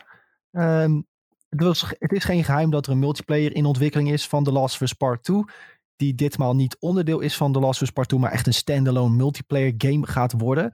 Um, nu had de eerste game een op zich redelijk interessante multiplayer, waar ik zelf niet heel erg hoekt om was. Um, maar het lijkt erop dat ze met het tweede deel wel echt iets anders en nieuws willen gaan doen. Um, het eerste deel had een multiplayer die toch wel gericht was op de survival elementen. Je kwam in een map en je moest tegen een groep tegenstanders vechten. Uh, ook gewoon echte spelers dus. Uh, en je moest ondertussen moest je craften, uh, schieten, healing items maken.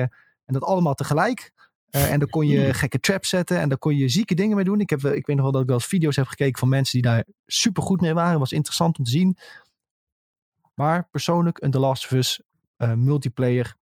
Ik weet niet hoe dit op grote schaal en voor een hele hoop mensen moet gaan werken. Maar gelukkig hoeven wij niet de game te maken en te bedenken. Maar mag Naughty dat, dat gaan doen. Um, toch wil ik even voor uh, iedereen hier van het panel vragen. Zouden jullie een The Last of Us Part 2 multiplayer zien zitten? Hè? Denk je van oké, okay, dat kan wel echt iets, tof, iets tofs worden. En hoe moeten ze het maken dat het echt leuk kan worden voor ons of voor jou persoonlijk? Um, nu, Sven heeft Part 2 niet gespeeld. Maar als je deel 1 hebt gespeeld uh, en misschien weet hoe de multiplayer in elkaar zit, kun je wel verbeelden. een beetje hoe Part 2 uh, is. Want het hè, werkt allemaal redelijk hetzelfde. Um, hebben we een idee hoe, hoe een multiplayer eruit moet zien van Last of Us Part 2, jongens? Ik vraag me oprecht af of je dat moet willen. Ja, uh, vind ja ik, heb, ik, zit er echt totaal niet op te wachten. Nee, dit is... Nee, want het, het, die hele game wordt toch juist geprezen om zijn singleplayer ervaring en zijn uh, immersive wereld, et cetera, et cetera. Die, nou ja, zoals geen geheim is, mij nog niet helemaal weet te pakken. Maar uh, kom maar met de PlayStation 5 patch en ik ga het wel spelen.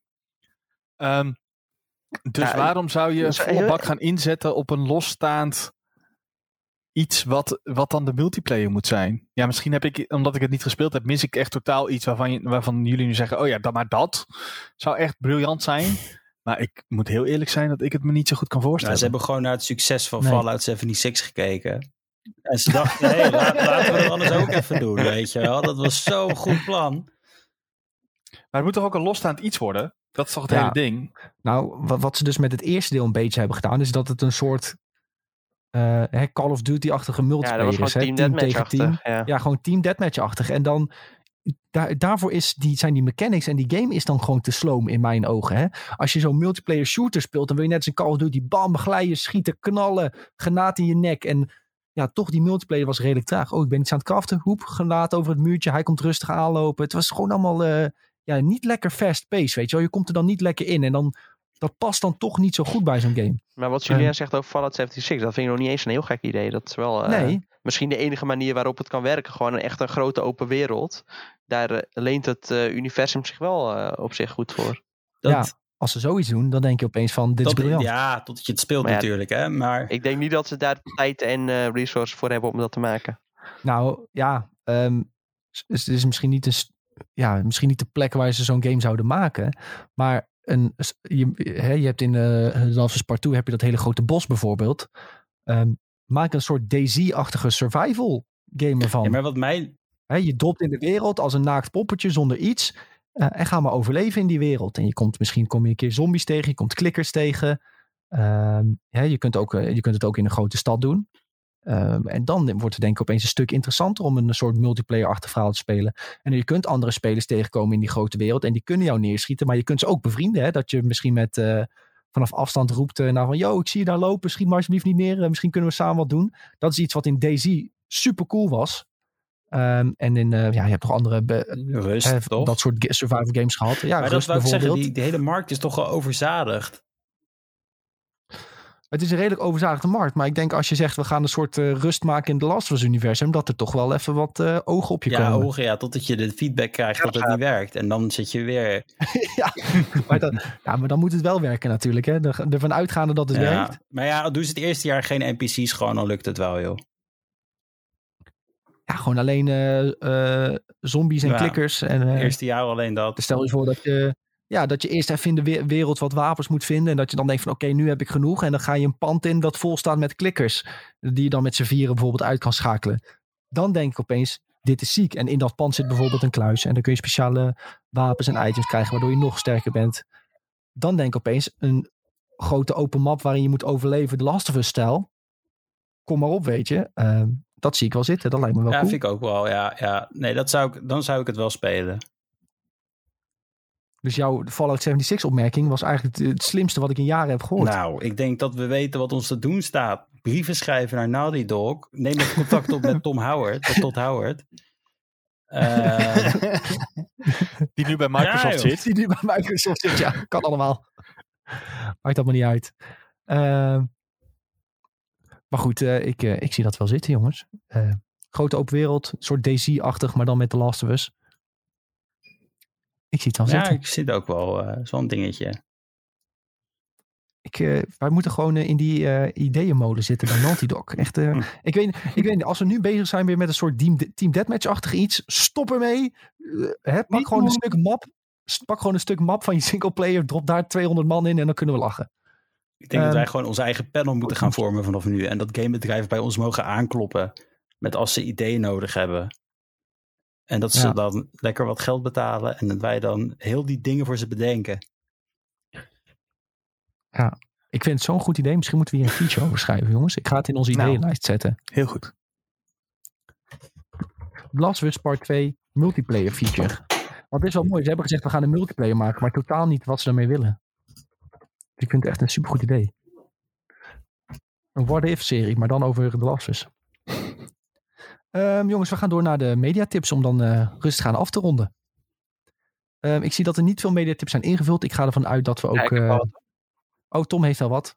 Ehm, laten we gewoon beginnen met Sven, want die had al wat opgeschreven. Moment, ik, ben e- ik probeer, ik probeer, doe even Tom eerst. Oké, Tom Oh. eerst.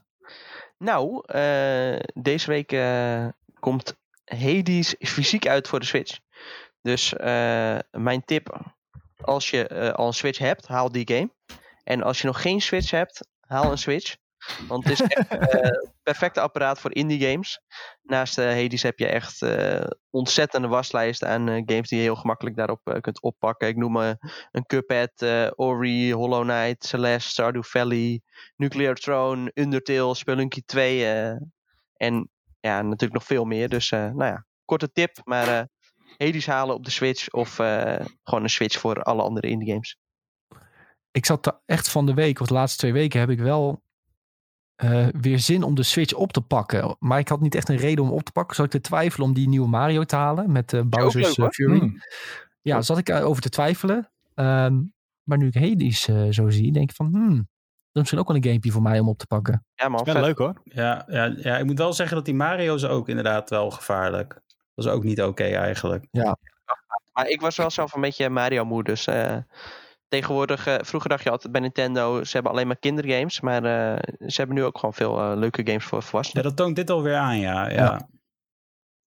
Maar eh, hoe duur wordt die fysieke kopie van Hades dan? Ja, 35 euro ongeveer. Oké, oké. Ja, nou dat is wel nog goedkoper Echt, dat dan vind ik best wel veel, moet ik zeggen. Jeetje. Nou ja, Nee, ja, maar ik bedoel, volgens mij heb ik hem voor twee tientjes gekocht op, eh, op PC dan wel. Ja, op Steam was die wel even een tijdje goedkoop. En op, eh, ja, volgens mij heb ik hem via de Epic Games Store gedaan, want ik had nog korting. Dus ik heb echt, voor, ik heb echt 5 euro betaald. Sloeg het nergens All. Your Games kun je hem krijgen voor 31,95 euro. Nou, Maar, dit, maar de fysieke kopie kan je wel likken. Nee, dat moet je dus niet doen met die dingen, Dat toch? mag je niet zeggen. maar dat kan inderdaad, ja. Als je dat wil. Ja, Ah, maar ja. dit, eh, ze noemen het een soort van eh collector's edition volgens mij. Er zit ook Ja, een eh, leuk boekje bij eh, Ah, en ja. eh, dat soort dingen allemaal. Ja. Nice. Dat is wel leuk. ja. Lekker, leuk boekie. Maar goed, ja, dit is wel eentje die ik misschien moet oppakken. Nu ik het zo zie. Past wel bij mij om even lekker op zondag als je op de bank ligt eh, deze te Ja, knallen. perfect. En eh, ja, ik hou sowieso al van eh roguelike-achtige games. Dus eh Ja, daar zijn Ja, er ook veel van op de Switch. Heb ik een bonus tippie, eh, Tom? Nou, zeg het Curse of the Dead Gods. Oké, ik zal hem opschrijven. Die is net uit op Steam, geloof ik wel. Alleen dus je moet wel even ergens een PC of zo vandaan uh, toveren. Ja, jongen, ik heb toch eh gekke laptop hier staan. nou, of een, eh, op een gekke laptop te spelen. Binnenkort Ja. nog, eh, binnenkort echte PC. Nou, dan Zo. eh, kunnen we helemaal los. Maar die, uh, als je van roguelike houdt, is dat gratis tippie. Oké, okay, cool. Gaan we onthouden. Curse of the Dan mag je van je gratis tippie door naar je, naar je ja, echte naar een betaalde tipje. Um, het is weer uiteraard weer een boardgame. En uh, dit is Disney Villainous. En dat is een spel wat eigenlijk ingaat tegen wat Disney altijd doet. Het is een beetje de, de vrolijke good guy. Uh, ja, dat verhaal volgen en, en, en, en they live happily ever after. Dat idee. En dit is eigenlijk het tegenovergestelde. Want hier speel je een van de slechte rikken van uh, uit de Disney-series. Dus je speelt bijvoorbeeld The Queen of Hearts. Of met Captain Hook. Of met Jafar. En het is de bedoeling om jouw doel te voltooien als slechterik. Dus als Jafar wil je uiteindelijk ervoor zorgen dat jij in bezit bent van de lamp. En de kracht hebt over um, onze blauwe vriend. Ik ben heel erg zijn naam kwijt. Over de geest. Ja, Genie. Ja, dankjewel. Um, en dat doe je door met, een, met een deck kaarten ook weer een soort van combinaties te spelen. En je speelt zeg maar tegen de andere slechterikken.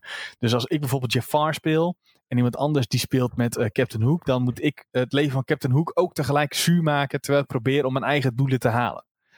Um, ja, en dat doe je door kaarten te spelen en uh, slim na te denken. En uh, volledig in uh, Disney artstijl. En het ziet er geweldig uit en het is leuk. En het kan heel lang duren, maar het kan ook met een paar minuten. Nou ja, dat paar minuten is overdreven, maar het kan ook met een half uurtje klaar zijn.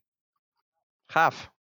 Ik, vind, ja. ik heb even opgezocht, maar die artstijl, ja, het is natuurlijk gewoon Disney, dus dat is altijd goed. Ja, ja die artstijl is echt, er wel echt goed. Ja. echt super vet uit. Echt een ja. hele hoge productiewaarde van wat ik zie. Ja, sowieso. En het is niet voor. Ik, ik heb wel eens Gloomhaven, dat is meteen 130 euro. Maar volgens mij is dit echt, uh, nou ja, 30 euro, denk ik, ongeveer. Uh, en er zijn uitbreidingen beschikbaar dat je dus nog meer villains kunt spelen. Maar die, uh, daar heb ik mezelf nog niet aan gewaagd. Maar die vind ik zelf dat die er wel moeten komen. Omdat het gewoon. Ja, best, het is gewoon best wel vet. En het is ook. Het is bijna on-Disney qua, qua game mechanics en zo. Het is ook niet iets wat, je, wat ik aan zou raden om te spelen met je kleine broertje of neefje of zo. Daarvoor is het gewoon echt te moeilijk. Maar is het ook te duister? Dus stel je de zou, opzet wel leuk. Dus stel je zou Cruella de Vil zijn, moet je dan ook echt... Uh, ja. Honden Ja, afmaken? Nee, dat nee, dat, dat niet. Oké. nee, het is, het, is, het is best wel eh, luchtig. Nu zit Cruella er niet in. Maar meer qua game mechanics is het gewoon moeilijker. Maar qua uiterlijk en dat soort dingen is het niet per se, eh, per se heftig. Oké, nee. oké. Lekker hoor. Ik heb nog even gecheckt trouwens. Hades is, eh, als je hem in de Nintendo eShop koopt, 25 euro. Hm. Dus dan heb je hem niet in het doosje en niet met dat mooie extra boekje. Dus dat is niet de Collector's Edition, maar gewoon de, de game is 25 euro. En op Steam is die 21 euro. Oh, nee, dat is, dat is prima dan toch. Ja, dat is een mooie prijs. Ja, Nou, dat vind ik allebei 32 euro voor eh, fysiek vind ik prima. Eigenlijk. Ja, ja, ja. Ehm, goed jongens, dan zal ik eh, doorgaan met mijn tipje. Eh, en ik had dus een tipje, die heb ik net aan mijn duim gezogen, omdat iedereen begon over boeken lezen. En ik heb, moet eerlijk bekennen, ik heb niet heel veel boeken gelezen in mijn leven, jongens. Ik was er gewoon niet altijd van. Ehm, maar er was een boekenserie vroeger, die ik ooit, daar heb ik ooit een keer een paar boeken van geleend van een eh, vriend van mij. Eh, en daar was ik helemaal aan verknocht. En dat ik echt dacht op het moment van, hoezo is hier nooit een verfilming van gemaakt? Want dit is geweldig. Het was een beetje in de tijd dat Harry Potter, Lord of the Rings, dat soort dingen populair waren. En dit paste echt precies in dat straatje in mijn ogen. En dat heette Darren Shan. D-A-R-R-E-N-S-H-A-N. Het was een boekenserie en dat ging over een jongetje. En die ging een keer naar een, eh, een, een freakshow van een circus. En normaal denk je bij een freakshow, dat is een vrouw met een baard en dat soort dingen. Maar dit waren dus mensen die echt freaks waren. En er zat dus een echte vampier bij. En een eh, echte weerwolf als het ware. Hè? Maar daar is hij een beetje binnen ges- gestrompeld. Ehm, en uiteindelijk besluit hij dat hij ook een vampier wil worden. En die vampier bij die club, die neemt hem een beetje onder zijn, eh, onder zijn vleugels. En daarmee gaat hij uiteindelijk de wereld over reizen. En hij wordt ook een vampier en hij wordt supersterk. En zo komen vijanden tegen, monsters. Ontzettend bizarre avonturen. Ehm, en ik vind het echt fantastische boeken. Echt was super superleuk om te lezen. Je hebt ook heel veel boeken. Ik ben uiteindelijk niet eens tot de laatste gekomen. Maar ehm, de eerste paar boeken die ik heb gelezen vond ik fantastisch. Altijd als we op skivakantie gingen nam ik zo'n boek mee. En was het overdag skiën en dan s s'avonds lag ik heel de avond in bed dat te lezen. Ik vond het echt fantastisch. Ehm, en ik zie nu in de Twitch dat mensen zeggen dat er wel een film van is gemaakt, maar dat ik die niet moet kijken. Maar, maar goed dat ik die, eh, maar goed dat ik die heb gemist dan mogelijk. Maar goed, het, eh, de boeken die zijn wel echt fantastisch. Ehm, ik vond het als kind fantastisch, dus ik weet niet of je het als volwassene ook even leuk vindt. Maar eh, ja, ik zie dat ze een tientje zijn op bol.com. Dus wil je een keer een goed boek lezen over fantasy? Ik vond het toen echt geweldig. jij misschien ook. ze staan op bol. Als je googelt op Darren Shan, dan vind je het vanzelf. Voor een tientje. Nou, een topprijs, jongens. oh ja, dat is ook wel leuk om te vertellen. Die boeken zijn geschreven door, ehm, door Darren Shan ook. Zo heet hij doet. Um, en het, boek is een beetje het verhaal zoals hij ehm, zijn leven zou voorstellen als hij echt een uh, heel avontuurlijk leven zou hebben. Met een beetje met een fantasierijk randje. Dus hij, hij had zelf graag dat zijn leven zo zou zijn als het ware. Dat is wel, dat is wel grappig. Onder aanhalingstekens. Ja, gewoon dat hij dacht van oké, als ik nou echt een gek... Zeg maar, als hij zijn ogen dicht deed, dan deed hij fant fantaseren dat dit zijn leven was. Um, ja, ik vond het echt uh, fantastische boeken. Dat was mijn tip. Julien, ik had heb jij ook een tipje? Of, uh... Ik heb ook een boek. Oh ja, welke heb je? Uh, ik zit even, mijn internet is heel trouw hier. Ik heb The Castle on Sunset, Live, Life, Dead, Love and Art and Scandals at the Hollywood Chateau Marmont uh, van Sean Levy uit 2009. Uh, ik was uh, in Los Angeles en heb je een heel groot ho hotel, zeg maar. En dat is de Chateau Marmont. En dat is heel mysterieus, want er zijn allemaal... Het schijnt dat er moorden zijn gepleegd en dat soort dingen. En, maar allemaal heel goed, zeg maar... de staf die vertelde zeg maar nooit echt details aan de buitenwereld, om het zo te zeggen. Of, of sterren die er waren en die echt vreemde dingen deden. Het is ook trouwens uh, het hotel waar Sofia Coppola de film Summer heeft opgenomen. Die is echt super tof als je ooit nog een leuke film zoekt. Dat is gewoon een extra tip, die geef ik er nou bij.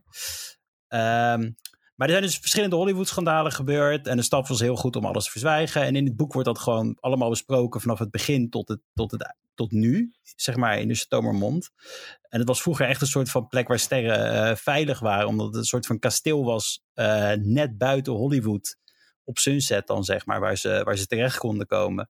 Het is heel interessant. Het gaat echt, uh, wat ik al zei, het is voor de oorlog gebouwd. Toen er nog helemaal niks was op Sunset. En dat is een hele grote straat waar zeg maar allemaal, nu allemaal winkels zitten. Wat allemaal high-end is en luxe.